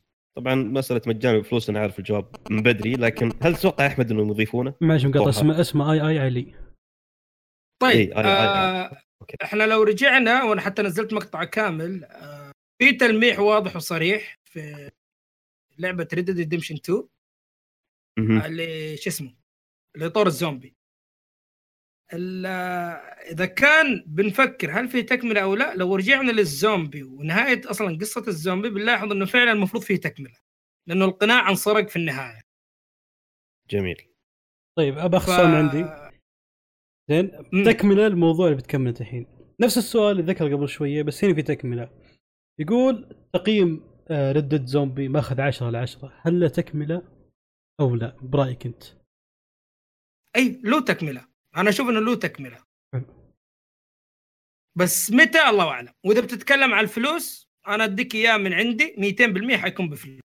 okay. لأن روك ستار. نظامها معروف. طور القصة بتدفع فيه من ناحية الإضافات ال DLC أي شيء في قصة؟ لكن طور الاونلاين الإضافات حتكون ببلاش. لكن الأشياء اللي داخل اللعبة اللي هو ال- micro transaction حيكون بفلوس طبعا.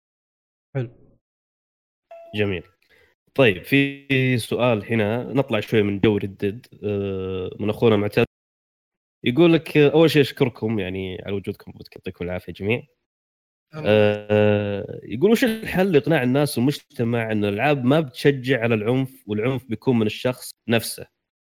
تمام. وبرضه مكمل كلامه وش رأيكم في قرار إنه ممكن تنحجب لعبة ببجي في مصر والعراق وبعض الدول هذه؟ فاعطونا رأيكم بشكل عام. أنا حاولت أختصر السؤال ما شاء الله كاتب آه، متوصي في الكلام. نبي. الضيف يتكلم. يعطينا الزبدة. فخذ راحتك أبو حميد. والله أنا اجابتي بسيطة جدا وتعبت في هذا الموضوع كثير وغسلت يدي منه من النهاية. والله. عالم ال games وخلينا نقول هو عتاب. آه من زمان أنا صراحة أسأل ليش كذا وم- وماني محصل له إجابة. عالم ال games من ناحية الميديا من ناحية YouTuber من ناحية حسابات من ناحية كل كل كله أنا أحطهم في خانة إنه هذول مسؤولين آه، في المقام الأول. لو نجي نشوف المحتوى اللي قاعد يتقدم في, في وقتنا الحالي كله ما يتعدى عبارة عن أخبار آه، آراء شخصية على ألعاب ما نطلع برا. موضوع الأشياء اللي فيها ممكن أشياء اجتماعية. ما في أحد آه، يتجرأ يعني أنا بعطيك مثال بسيط. آه، خلينا نقول مثلا آيفون صارت فيه مشكلة. الواتساب وقف. آه، تويتر صارت فيه مصيبة. حتلاحظ إن القنوات الكبيرة والقطاعات الحكومية مثلا ممكن يتوجهوا لناس معينين معروفين في المجال حق الجوالات مثلا يسألوه. صح ولا. لا؟ وتشوفهم. على طول ثاني يوم في التلفزيون يطلع. يا جماعة الخير والله الواتساب خرب أو والله مثلا صار كذا عشان واحد اثنين ثلاثة. طيب تعال في الجيمز صار مصيبة. آه كلام عن اللعبة. ما في. في أحد يطلع في التلفزيون من من الإعلاميين إحنا نعرفهم ويتكلم. نادر جدا ولو بيطلع مم. واحد بتحصل هو نفس الشخص اللي قبل عشر سنين هو نفس الشخص اللي بعد عشر سنين وفي نفس القناة يعني هي قناة واحدة يعني لو القناة دي ما تكلمت ما حد قدر يطلع يتكلم. بالضبط أتفق معك 100%. فأنا صراحة ألوم آه الإعلام إنه ما عندنا إحنا الجرأة إنه الواحد يتكلم في المواضيع دي من تلقاء نفسه كل العالم بتركز إنه okay Red Dead نزلت دحين الكل بيتكلم عن لعبة مثلا Red Dead ليش الكل مثلا بيحاول يكبر حسابه بيحاول يجيب مشاهدات؟ حقه ما قلنا شيء. بس مو منطق إنه كل عالم ال games اللي ينزل Fortnite واللي ينزل وفي مشاكل ثانية. في مشاكل ثانية. يعني أنا ما ب... أعوذ بالله من كلمة أنا بس قعدت أنزل فترة وتعبت وبطلت لأن بديت أحس إنه كأني ماشي عكس التيار. مم. يعني أنا أتكلم أقول يا جماعة الخير ترى في شيء اسمه تصنيف عمري وما أدري الواحد يطل فيك. يا أخي انت ليش كذا حق مشاكل؟ كل العالم قاعد ينزلوا ويستمتعوا في الألعاب وأنت قاعد تضارب مع خلق الله. سيبه ولما يطلع بعدين قرار زي كذا على لعبة زي ببجي أو ذا ليش أنتم ساكتين ما تتكلموا؟ آه الواحد ما عاد عرف يعني على قولتهم يد واحدة ما تصفق. ف بشكل عام أنا أشوف إنه لازم إحنا كميديا الكل مسؤول إنه يتدخل في الموضوع ده. مو يتدخل وقت ما تصير مشكلة. لا الواحد طول الوقت يقعد ينبه طول الوقت يقعد يتكلم طول ينصح. الوقت يشرح. يوضح ينصح اي بالضبط بالضبط. بالضبط. يعني ما شاء الله حقنا ال- الجوالات والتقنية. كل يوم هم نصايح. كيف تكتب كيف تسوي مسافة كيف كيف بدون ما حد يكلمهم. بالضبط. تحل مشاكل الأمور. إحنا عندنا لا للأسف يعني. فهذا بيعطي بي بيعطيني كذا إحساس إنه فعلا عالم ال games تقدر تقول كأنه جدار واطي أي أحد يقدر يتسلق عليه. اليوم أنا أمنع ببجي بكرة أمنع Red Dead بكرة أمنع أي شيء وما لهم صوت. ما لهم صوت أحد يتكلم. حتى لدرجة إنه الإعلام نفسه يدعم الإشاعات الإعلام بالضبط. يدعم الإشاعات. بدون ما يرجع للمجتمع. بالضبط بالضبط. بالضبط. هذه أكثر مشكلة. والمشكلة الواحد لا تكلم قالوا أنت حق مشاكل ولا سكت قالوا أنتم ما تتكلم. آه، ما, ما أعرف صراحة. لا أنا أشوف إنه لازم الكل يغير وجهة نظره في طريقة طرح المواضيع حقت الميديا أو خلينا نقول لازم الكل يحس بمسؤولية. بس. بالضبط. طيب أبى أتكلم أنا عن حاجة ما دام دخلنا الموضوع هذا. أنا أبث أنا يوميا بالعادة. أبث عن Destiny أبث عن ألعاب ثانية ما هي معروفة. ما ألقى أحد يجي يتابع. ليش؟ اعتادوا الناس على Fortnite PUBG الالعاب المشهوره حتى لو تبث فيفا يجوك فيفا. يجونك يتفرجوا عليك. لو تبث ألعاب ثانية جميلة آه، لها أسلوب لها أشياء جديدة ما حد يجيك ابدا. ولا حد يطق لك خبر. وبعض الأحيان لما ما تبث عن اللعبة هذه يجون يهوشونك خاصة إذا عرفوك إنك تبث عن شيء معين. ليش ما تبث عن هذه مم. اللعبة؟ ليش تلعب لعبة ثانية؟ وليش تفعل؟ وليش كذا؟ مصيبة. يعني إذا ما بثيت قالوا ليش ما تبث؟ وإذا بثيت عن شيء ثاني قالوا ليش ما تبث عن شيء فلاني؟ وهكذا. هو المشكلة المس- المستهدفة دائما الألعاب الجماهيرية.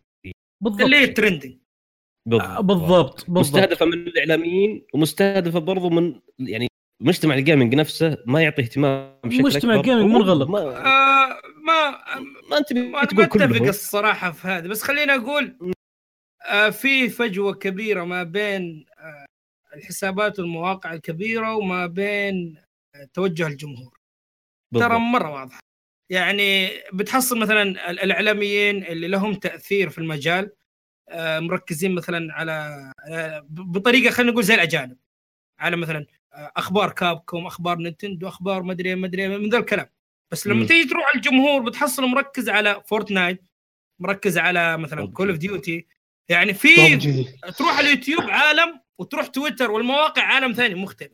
بالضبط. ففي فراغ جاي في النص لا اللي هنا راضي يتفهم اللي, اللي هو الجمهور ولا الجمهور راضي يشوف إيش في شيء جديد. عليك نور. وأتوقع إن الموضوع معقد لأنه حتى الناس اللي بتقدم محتوى ال Fortnite والأشياء دي آه ما بيعطون فرصة كمان لألعاب ثانية يعني إلا كم YouTuber ينعدوا على أصابع اليد الواحدة اللي بيحاولوا ينوعوا ويجيبوا شيء جديد. البقية كلهم على حسب طلب الجمهور. Fortnite بتجيب مشاهدات خلاص خلينا مستمرين على Fortnite. وهذا فعليا بيضعف آه الألعاب. الثانية. ما بيعطي فرصة. حتى مو هذا الم- هو بالضبط. انت أنت اختصرته. ما في أحد راضي يقتنع حاليا إنه المجتمع حق ال gaming يتأثر في بعض. مجتمع متعارف على لعبة واحدة حرفيا. اي لما تيجي تقول يا جماعة الخير أعطوا فرصة اللعبة. آه أنت حاسدنا وما تبغى الناس ينزلوا عشان أنت ما تنزل ومن ذا الكلام ويأخذوك في المنحنى مختلف. لا أنت اللي بتنزل وبتسويه هناك ترى بيأثر على مثلا الجهه هذه صح. ما في حد بيقتنع. فدحين خلاص كل واحد صار على قولتهم آه على هم مسار حقين ال- ال- الميديا بتحصلهم يتكلموا زي مثلا حدث لعبة السنة اليوم وحقين اليوتيوب آه على الموسم الجديد ل Fortnite. آه، عليك نور. هذا هو مجتمعك من النهاية. ما, ما, أعرف أنا إلى متى بنقعد كذا. صح بس لسان الشكوى لله okay طيب ناخذ آخر سؤالين في الإنستغرام وعاد عبد الله بيشوف الاسئله. عندي سؤال واحد بس. تبي أقول الحين؟ طيب. لا خليني بأخذ هذه هذه السؤالين من الانستغرام على أساس نقفل الانستغرام وناخذ السؤال حق تويتر وبعدها عاد آه، نبدأ نختم. آه، يقول لك F 9 G 10 nice. يقول لك هل هناك مشروع جديد قيد الإنشاء الآن في Rockstar؟ والله آه بولي- حسب. الأخبار الأخيرة الكلام كله طالع على بولي كثير مهم. وكانت الناس متوقع ممكن أجنت بس أجنت واضح إنها شكلها خلاص. صعبة صعبة. زي النسيان. لأنه ما عاد صار لأنه جات فترة كانت تطلع لها أخبار بشكل مو طبيعي وانقطعت. الحين حاليا الفترة الأخيرة بولي فأنا أتوقع Bully لأنه في في post أفتكره زمان كانت Rockstar دائما تجاوب على أسئلة الجمهور. فكانوا مجاوبين على الأسئلة إنه كثير منكم متحمسين على ألعاب خاصة فينا زي مثلا Red Dead Redemption زي عندنا مثلا آه Bully وبعدين راح عددوا الألعاب الباقية انهانت على ال post هذا الأغلب أتكهن إنه Red Dead Redemption دام ذكروها الحالة هي و Bully وفي الغالب حتكون واحدة من هذه العنوانين اللي حتيجي وفعلا Red Dead Redemption 2 نزلت فالأنظار. كلها بتوجه حاليا ل Bully ليش- ليش مو منطقيا GT؟ مفترض إنه ليش مو GT؟ ليش مو لا GT مستحيل صعبة؟ لأنه صعبة. مو أنا هذا اللي كنت بجاوبك عليه. Bully أنا اشوفها أسهل لعبة وأسرع لعبة ممكن يخلصوها وممكن تكون Max Payne. ما نستبعد. آه واحدة صعبه من اللعبتين. لأنه كلها خطية وكلها ما ما تحتاج عالم مفتوح كبير زي طريقة Red Dead Redemption أو زي طريقة GTA أوكي.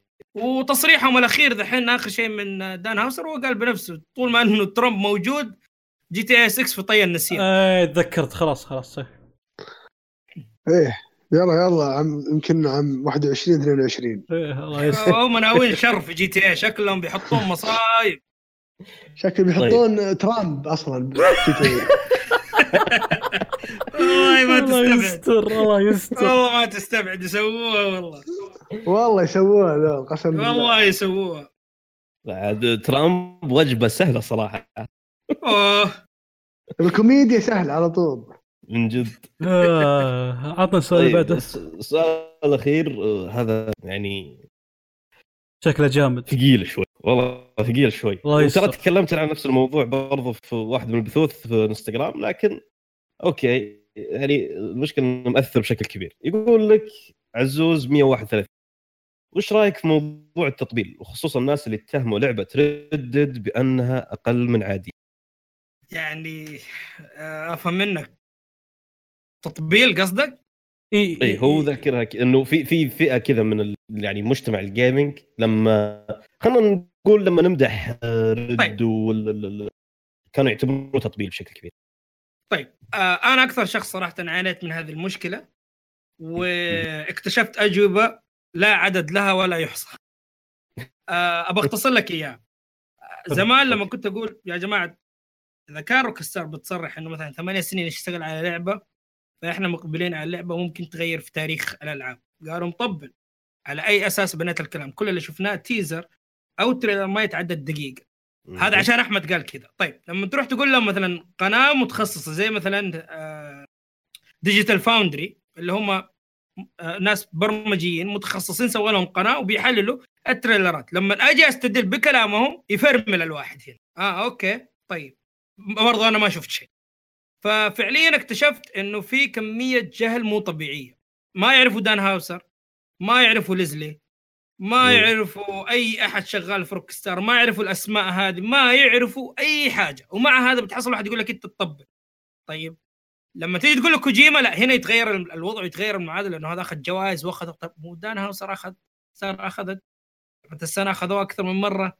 فأقدر أقول لك إنه كلمة تطبيل في الغالب تنقال لحاجة آه هم جاهلين فيها. الأفضل إنه يسأل ليش أنتم مبالغين في لعبة Red Dead Redemption وأنا أقدر اجاوبك بس ما في حد يقدر يج... ما, ما في حد يسأل. الكل خلاص أنا عارف Rockstar GTA و Red أصابع يعني. الموضوع.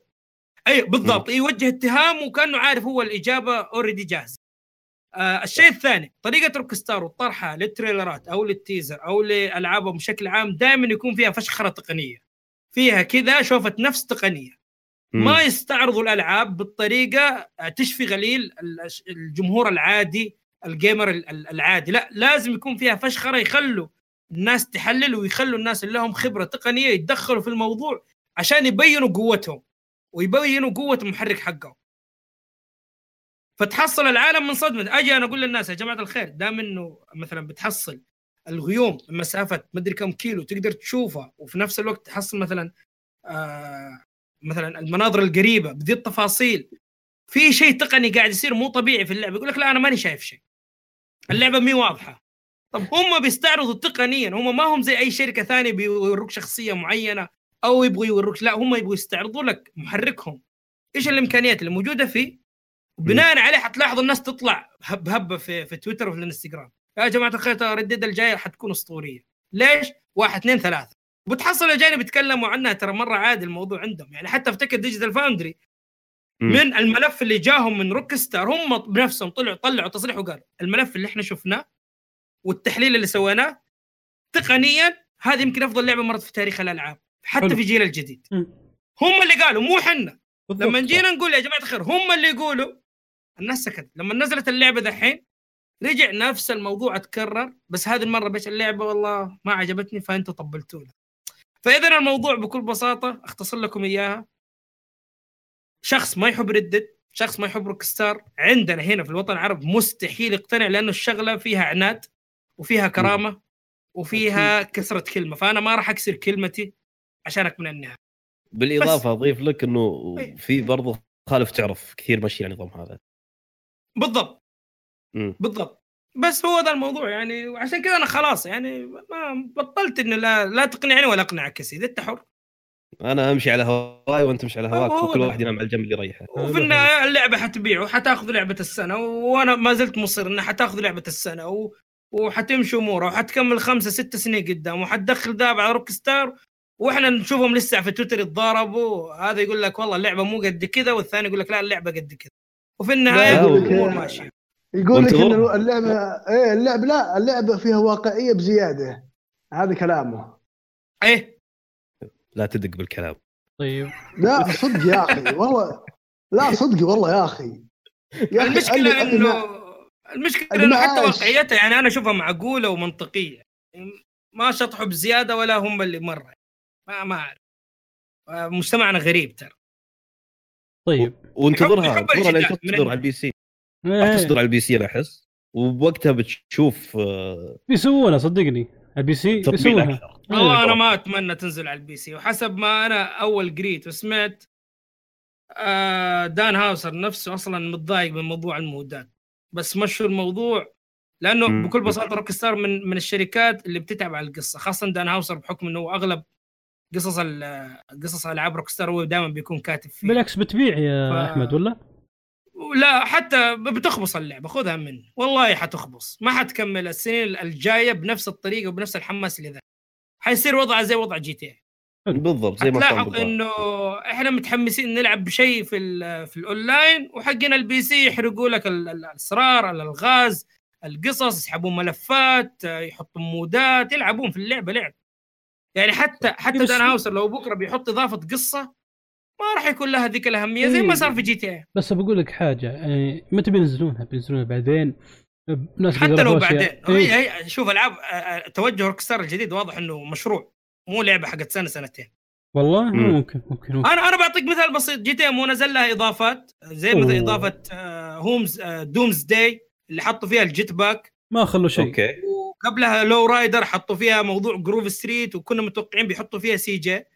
أنا أقول لك انزلها في اليوتيوب ما بتجيب لي مشاهدات زي لما بنزل مودات. حلو. ففعليا العالم ما صارت مهتمة بقصة آه، GT والسبب إنه المودات آه، صار فيها كل شيء حرق. ما ما في اهتمام صدقت صدقت والله. إيه. بالضبط آه، واللي أنا فهمت اول إنه فعلا دان هاوسر ترى كان زعلان من ذا الموضوع. في كلام كثيرا قال على أيام GTA فما أتوقع خاصة Red Dead إنه يسوون الحركة دي. لا ننسى كمان إنه قبل فترة في mod كان بينزل لل PC زي Red Dead واشتغلوا عليه ناس يمكن لمدة سنتين أو ثلاث سنين. ونزلوا صور ومن ذا الكلام بعد جاتهم Take-Two قالت معلش هذا كله يتقفل وما راح ينزل نهائيا. وفعلا راحوا. قفلوا واعتذروا ونزلنا. افتكر الخبر ده على 2016 2016 تقريبا. إيه، أتذكر أنا. يعني نقول نقدر إيش نقول دخلهم نزلوا في mod بالله زي الكابوي؟ إلا لأنه هم فعلا ما يبغوا حقين ال PC يشموا شيء اسمه عالم كابوي. خلاص تبغى كابوي اشتري لك console والعب. بالطريقة. وبالأسلوب اللي Rockstar يشوفوه كذا يمشوك بكيفهم. ما يبغوا أحد يخبص عليهم الجو حقهم. يعني يعني نقدر نقول لو نزلوا Red Dead Rockstar نزلت Red Dead على ال PC كذا هم حكموا عليها بالإعدام بسبة ال mod تقريبا تقريبا. بالضبط. أتفق. مليونين بالمية كمان. جميل. يعني آه، يا راعي ال PC أحلم. تسمع أنت وياي. ما أنا قاعد أحلم أنا. أنا بقول نقول أحلم. أنا في النهايه سبحان الله شركه أحلم أنت وياه أنت اتمنى أتمنى. ما تنزل على ال PC. صح الواحد متحمس. يشوفه على 4K ومن ذا الكلام بس إذا الموضوع بيخبص عليه تجربة بيخبص عليه لا أنا أشوف لا ينزلوه وخلاص سوق ال PC في النهاية ضعيف يعني مع احترام محبين ال PC والله أنا قاعد أحلم 24 ساعة صراحة بس يلا شو نسوي؟ أحلم ن- نام واحلم الحين إيه. الحين يمديك طيب قبل شوي شفت أحمد خش موضوع جوائز السنة إيش رأيك نقفل الفقرة؟ لأن ختم هو و Red Dead خلاص أوكي خش. قفلها طيب، Red Dead. والله أنا أنا طيب. أنا شخصيا آه ما بقول أنا ختمت لعبة God of War بحكم إن هي المنافس اللي Red Redemption أوه كلام جميل. إيه عطنا أيوه بس بس أبغى أقول حاجة. يعني God of War من الألعاب اللي تحس كأنك ما تعرف إيش حتقابل مستقبلا. متحمس تبى تستكشف. كل ما تبغى توصل لشيء يدخلك في شيء ثاني. وتحس عالم اللعبة جميل يعني من ناحية آه، ترابط القصة وحبكتها. بس آه اللي يخليك اللي يخلي الكفة تميل أكثر ل Red Dead Redemption إنه Red Dead حتى لو ما كملت القصة أصلا عالم اللعبه لحاله مبهر. التفاصيل آه، تفاعل عالم اللعبه لا تنسى إنه عالم مفتوح ما هي لعبة خطية. فاتوقع مو أتوقع هي منطقيا لو جينا كإنصاف ال- ال- الشغل والمجهود اللي انبذل في Red Redemption واضح إنه أكبر من المجهود اللي صار في لعبة God of War بس من هو ناحية بكل. بساطة صحيح إنه God of تغيرت كسلسلة وكان فيها مغامرة إنه صارت بالشكل الأخير بدل ما إنها كانت كأنها لعبة platform كل شيء تغير فيها بس Red Dead واضح المشروع اللي كان فيها والأرقام وطريقة آه، كتابة القصة عدد الأشخاص اللي أدوا الأصوات آه، عدد حتى عدد- السنين الله ثمانية إيه. سنين وطلعت في النهايه بناتج يعني فعلا مبهر غي- يغير شيء في نمط وتاريخ أو فكرة حتى الألعاب مستقبلا فتميل أنا أشوف اميل الكفة ل Red Redemption مجرد ما تلعب بس البداية من هنا. من هنا حتقول أنت رد. حلو حلو. هذا المنطق بالنسبة لي. طيب. طيب بس إيه. على حد على حد علمي إنه ما أدري يمكن تصححوا لي إذا كنت غلطان. ما ما أعتقد في لعبة Rockstar قبل كذا أخذت جائزه لعبة السنة ولا؟ آه إيه. كثير. آه لا إيش اسمه Grand ما أخذت لعبة السنة. ولا الألعاب اللي قبلها. عندك Red Redemption كان- وأنا أخذت لعبة السنة. إيه عندك- آه، أقول لك كانت تصنيف تصنيف تقريبا سلاسل أكشن مغامرة. قصص قصص تاخذها العاب روك ستار كتصنيف ثانية.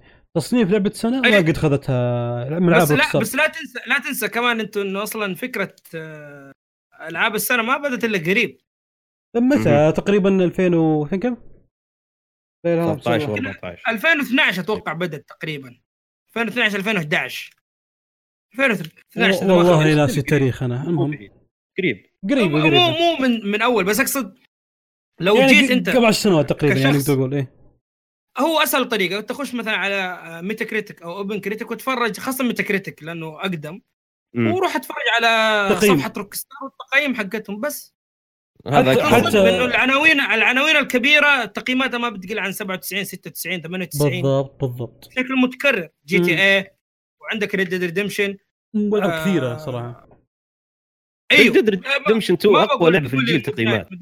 بس يعني تقييمات شوية نازلة بس GTA عندك ما شاء الله سلسلة تقييماتها دائما مرتفعة. قبل قبل نتحمس بزيادة زين. آه، هذا السؤال الأخير نسيت أذكره أنا. هنا سؤال لأحمد. يقول ليش أحمد يتحمس بزيادة؟ ممكن حماسه الزايد ينكس ينعكس عليهم مستقبلا. كيف يعني؟ تحمس يسلك. بزيادة ما حدد هو تحمس يقول لك؟ ليش متحمس بزيادة؟ وهل ممكن حماسه الزايد ينعكس عليه مستقبلا؟ هذا سؤاله قدامي. أحسه مبهم خلاص هو إيه. كان في في فرق بين الحماس وفي فرق بين بين الشغف. آه صح. يمكن هو يقصد حماسي على ردد. وهنا خلينا أنا أوضح بس نقطة بس بسيطة. آه لأنه أنا شفت في ناس شايفين مثلا ممكن أنا بالغت أو أو أو أو مثلت حتى مثلا في ردود فعلي على ردد والأشياء اللي اللي مثلا تريلر بينزلوا يشوفوني انصدم من بعض الأشياء. آه وهنا بوضح أنا نقطة بسيطة. أنت لما لما لما تتابع لعبة معينة وتعرف تفاصيلها وبتشوف التطور اللي قاعد يصير في اللعبة وبتحاول يعني خليني أعطيك مثال بسيط. كلنا مثلا لعبنا آه Metal Gear مثلا خلينا نقول.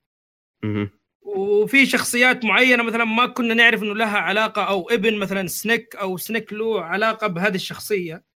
فجأة كذا في ال trailer يط- يعني زي زي خلينا أذكركم أول ما طلع لنا trailer ل Metal Gear طلع فيه Snake شيبة عجوز. الناس انصدمت كيف عجوز. إيه حق Metal Four قصدك. اي أيوه. لما. لما ال- الناس اللي يحبوا اللعبة وعارفين اللعبة وتفاصيلها فجأة يطلع لي عجوز خير. تحصلوا منصدمين أنا مالي؟ في اللعبة؟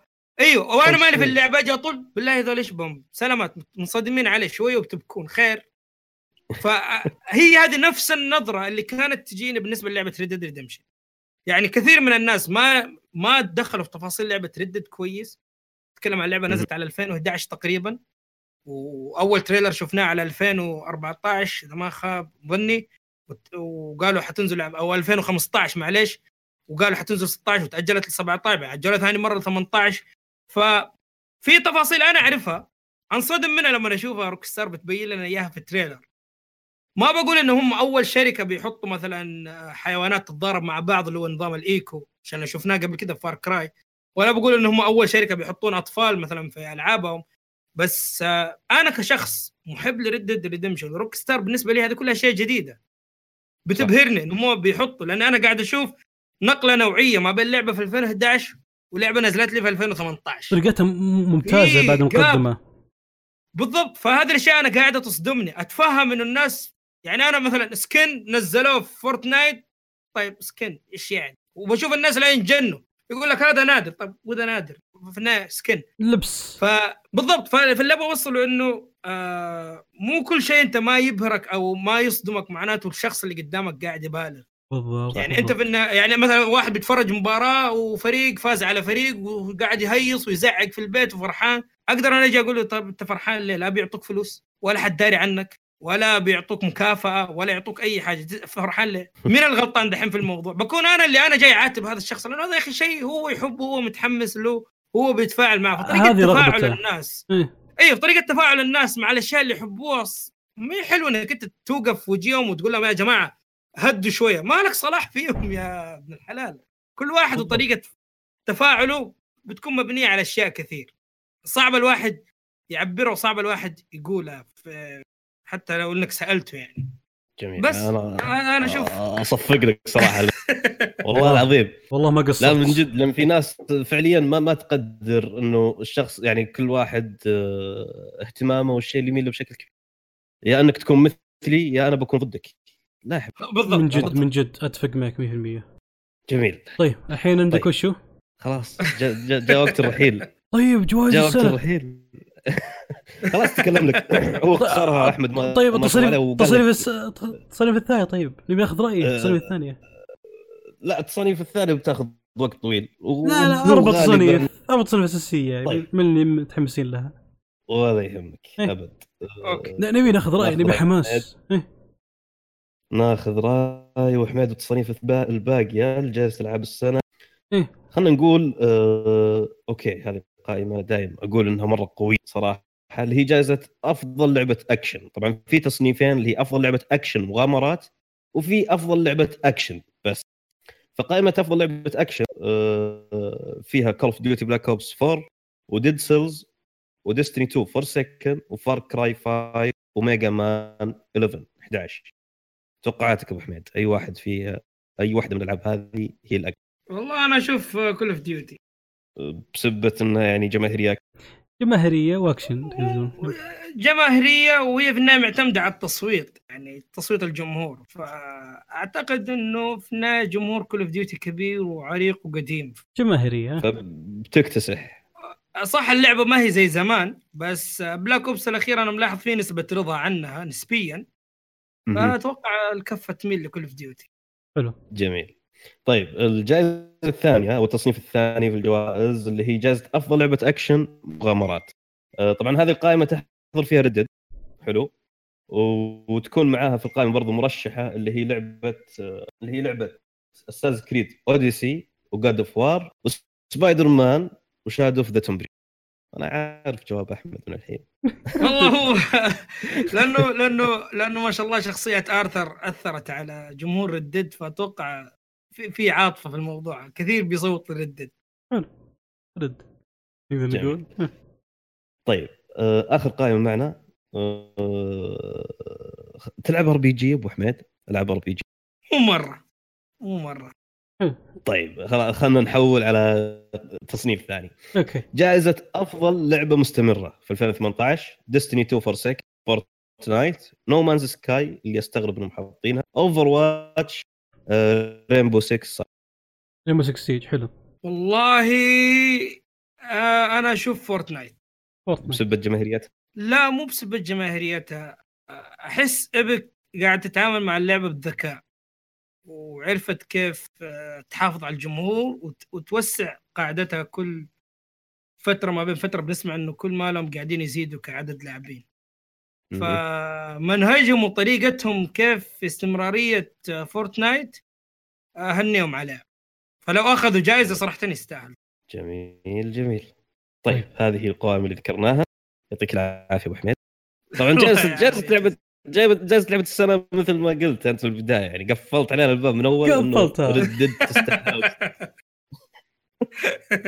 وأنا أتفق معك صراحة. على المستوى اللي قدمته ردد أتوقع ظلم كبير لو اخذتها لعبة مرة. معك. جدا جدا. صراحة. أتفق الا شيء بسيط ممكن أقول سلست أنا يا رجل أنا أنا أنا, أنا لو اخذتها لعبه غير ردد أنا ممكن يعني معليش بقولها كذا آه، البودكاست. لا بقول في في في سياسة متبعة مرة غلط. مرة. بالضبط. في وأنا هذا. اللي شاك فيه. وما أتوقع إنه حقين جيم اوورد أغبياء. يعني واضح واضح. هم بنفسهم أصلا لعبوا وجيف بنفسه صرح وتكلم عن لعبة ردد ف ما. هو منطقي لو ما أخذت لعبة السنة على أقل تقدير أوكي هو- الجوائز الثانية ممكن تتوزع على الأشياء الثانية بس آه، لعبة السنة الجائزة الأم؟ صعبة والله بياكلونه والله لو ما صوت يستاهل. لا بيأكلون أكل الجماهير. طيب آه، أنا العافية مين تتوقع أفضل أفضل مؤدي؟ أفضل مؤدي إيه صوت مؤد- مؤدي أصوات أي لعبة ولا ولا ردد تقصد؟ لا على حسب التشريح الترشيح. مو عندنا أكثر من منافسين دحين أنا أشوف. عندك آه. ريد ديد وجاد اوف وار ولو إنه داخل معاهم البنت اللي قامت بدور آه، الشخصية اللي في اساسن كريد الأخيرة. يا أخي ما أدري شو بس يا أخي شوف كود فور حلوة يا أخي. أساس كريد أنا أساس كريد أنا ما, ما- لعبت ترى بشخصية البنت. تمام؟ هو أغلب الأنظار. أصلا على جاد اوف وار وريد ديد. آرثر أو آه، كريتوس معلش كر- كريتوس كذا ما يتكلم. باي ينادي لا بنبرته الفخمة هذه. لا. ويتكلم آه، عب- عبقرية وعقلانية أقدر أقول. وما يخلي ولده. و- والت- الكلام اللي يتكلم فيه كذا. تالي الصوت اللي قاعد يديها مع الشخصية هذه. فخمة إلى أبعد درجة. أوكي. إي بس ك كشخصية God of War أحس إن نبرة طول يعني صوت القطع نبرة صوت الف- القطع معليش عيدها مرة ثانية. إي أقول لك ك God of War تمام. المؤدي للصوت حق شخصية كريتوس أحس نبرة الصوت واحدة يعني ما تحس إنه مثلا زي ارثر آه، النبره الحزينة تحسها اوقات في بعض المشاهد. شعوريا إيه. مم. إي يلعب على ال- ال- الإحساس عندك. تمام. فأنا أشوف الأقرب آه، أرثر. أرثر. إيه. مؤدي شخصية أرثر بصراحه هذول الاثنين بيتجادلون في الجائزة هذه.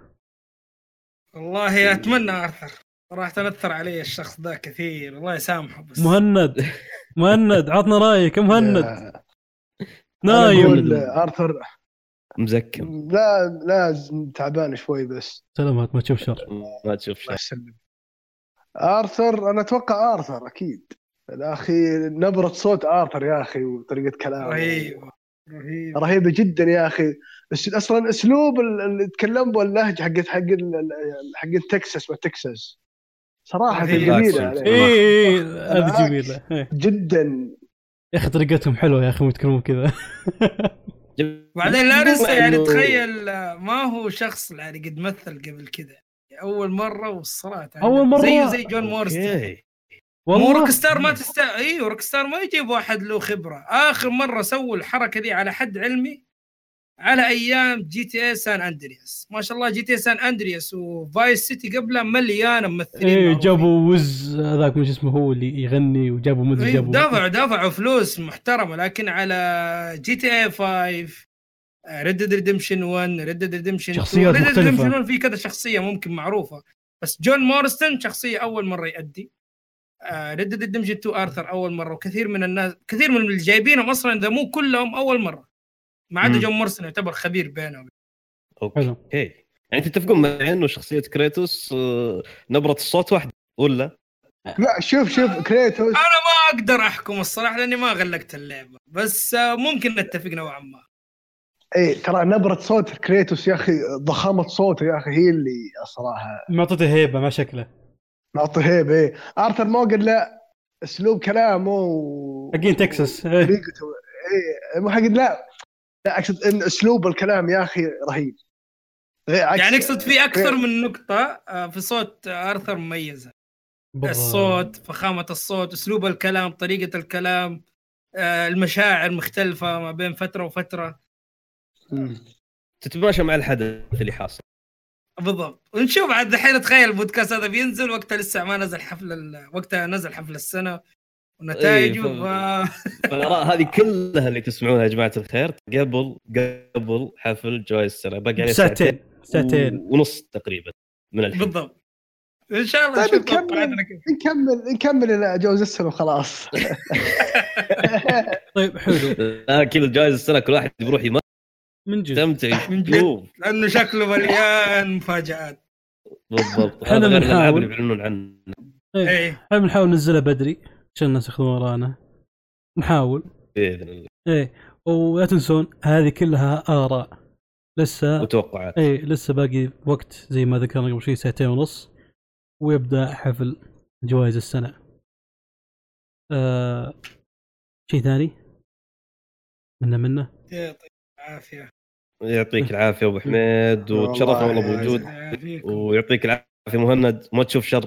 والله الشر ما أنا اعذرون اليوم ما شاركت معكم والله الصراحه الز- الزكام عندي مرة بنحط- level عالي. بنحط حسابه يا. جماعة عاد غردوا له واكتبوا له السلام.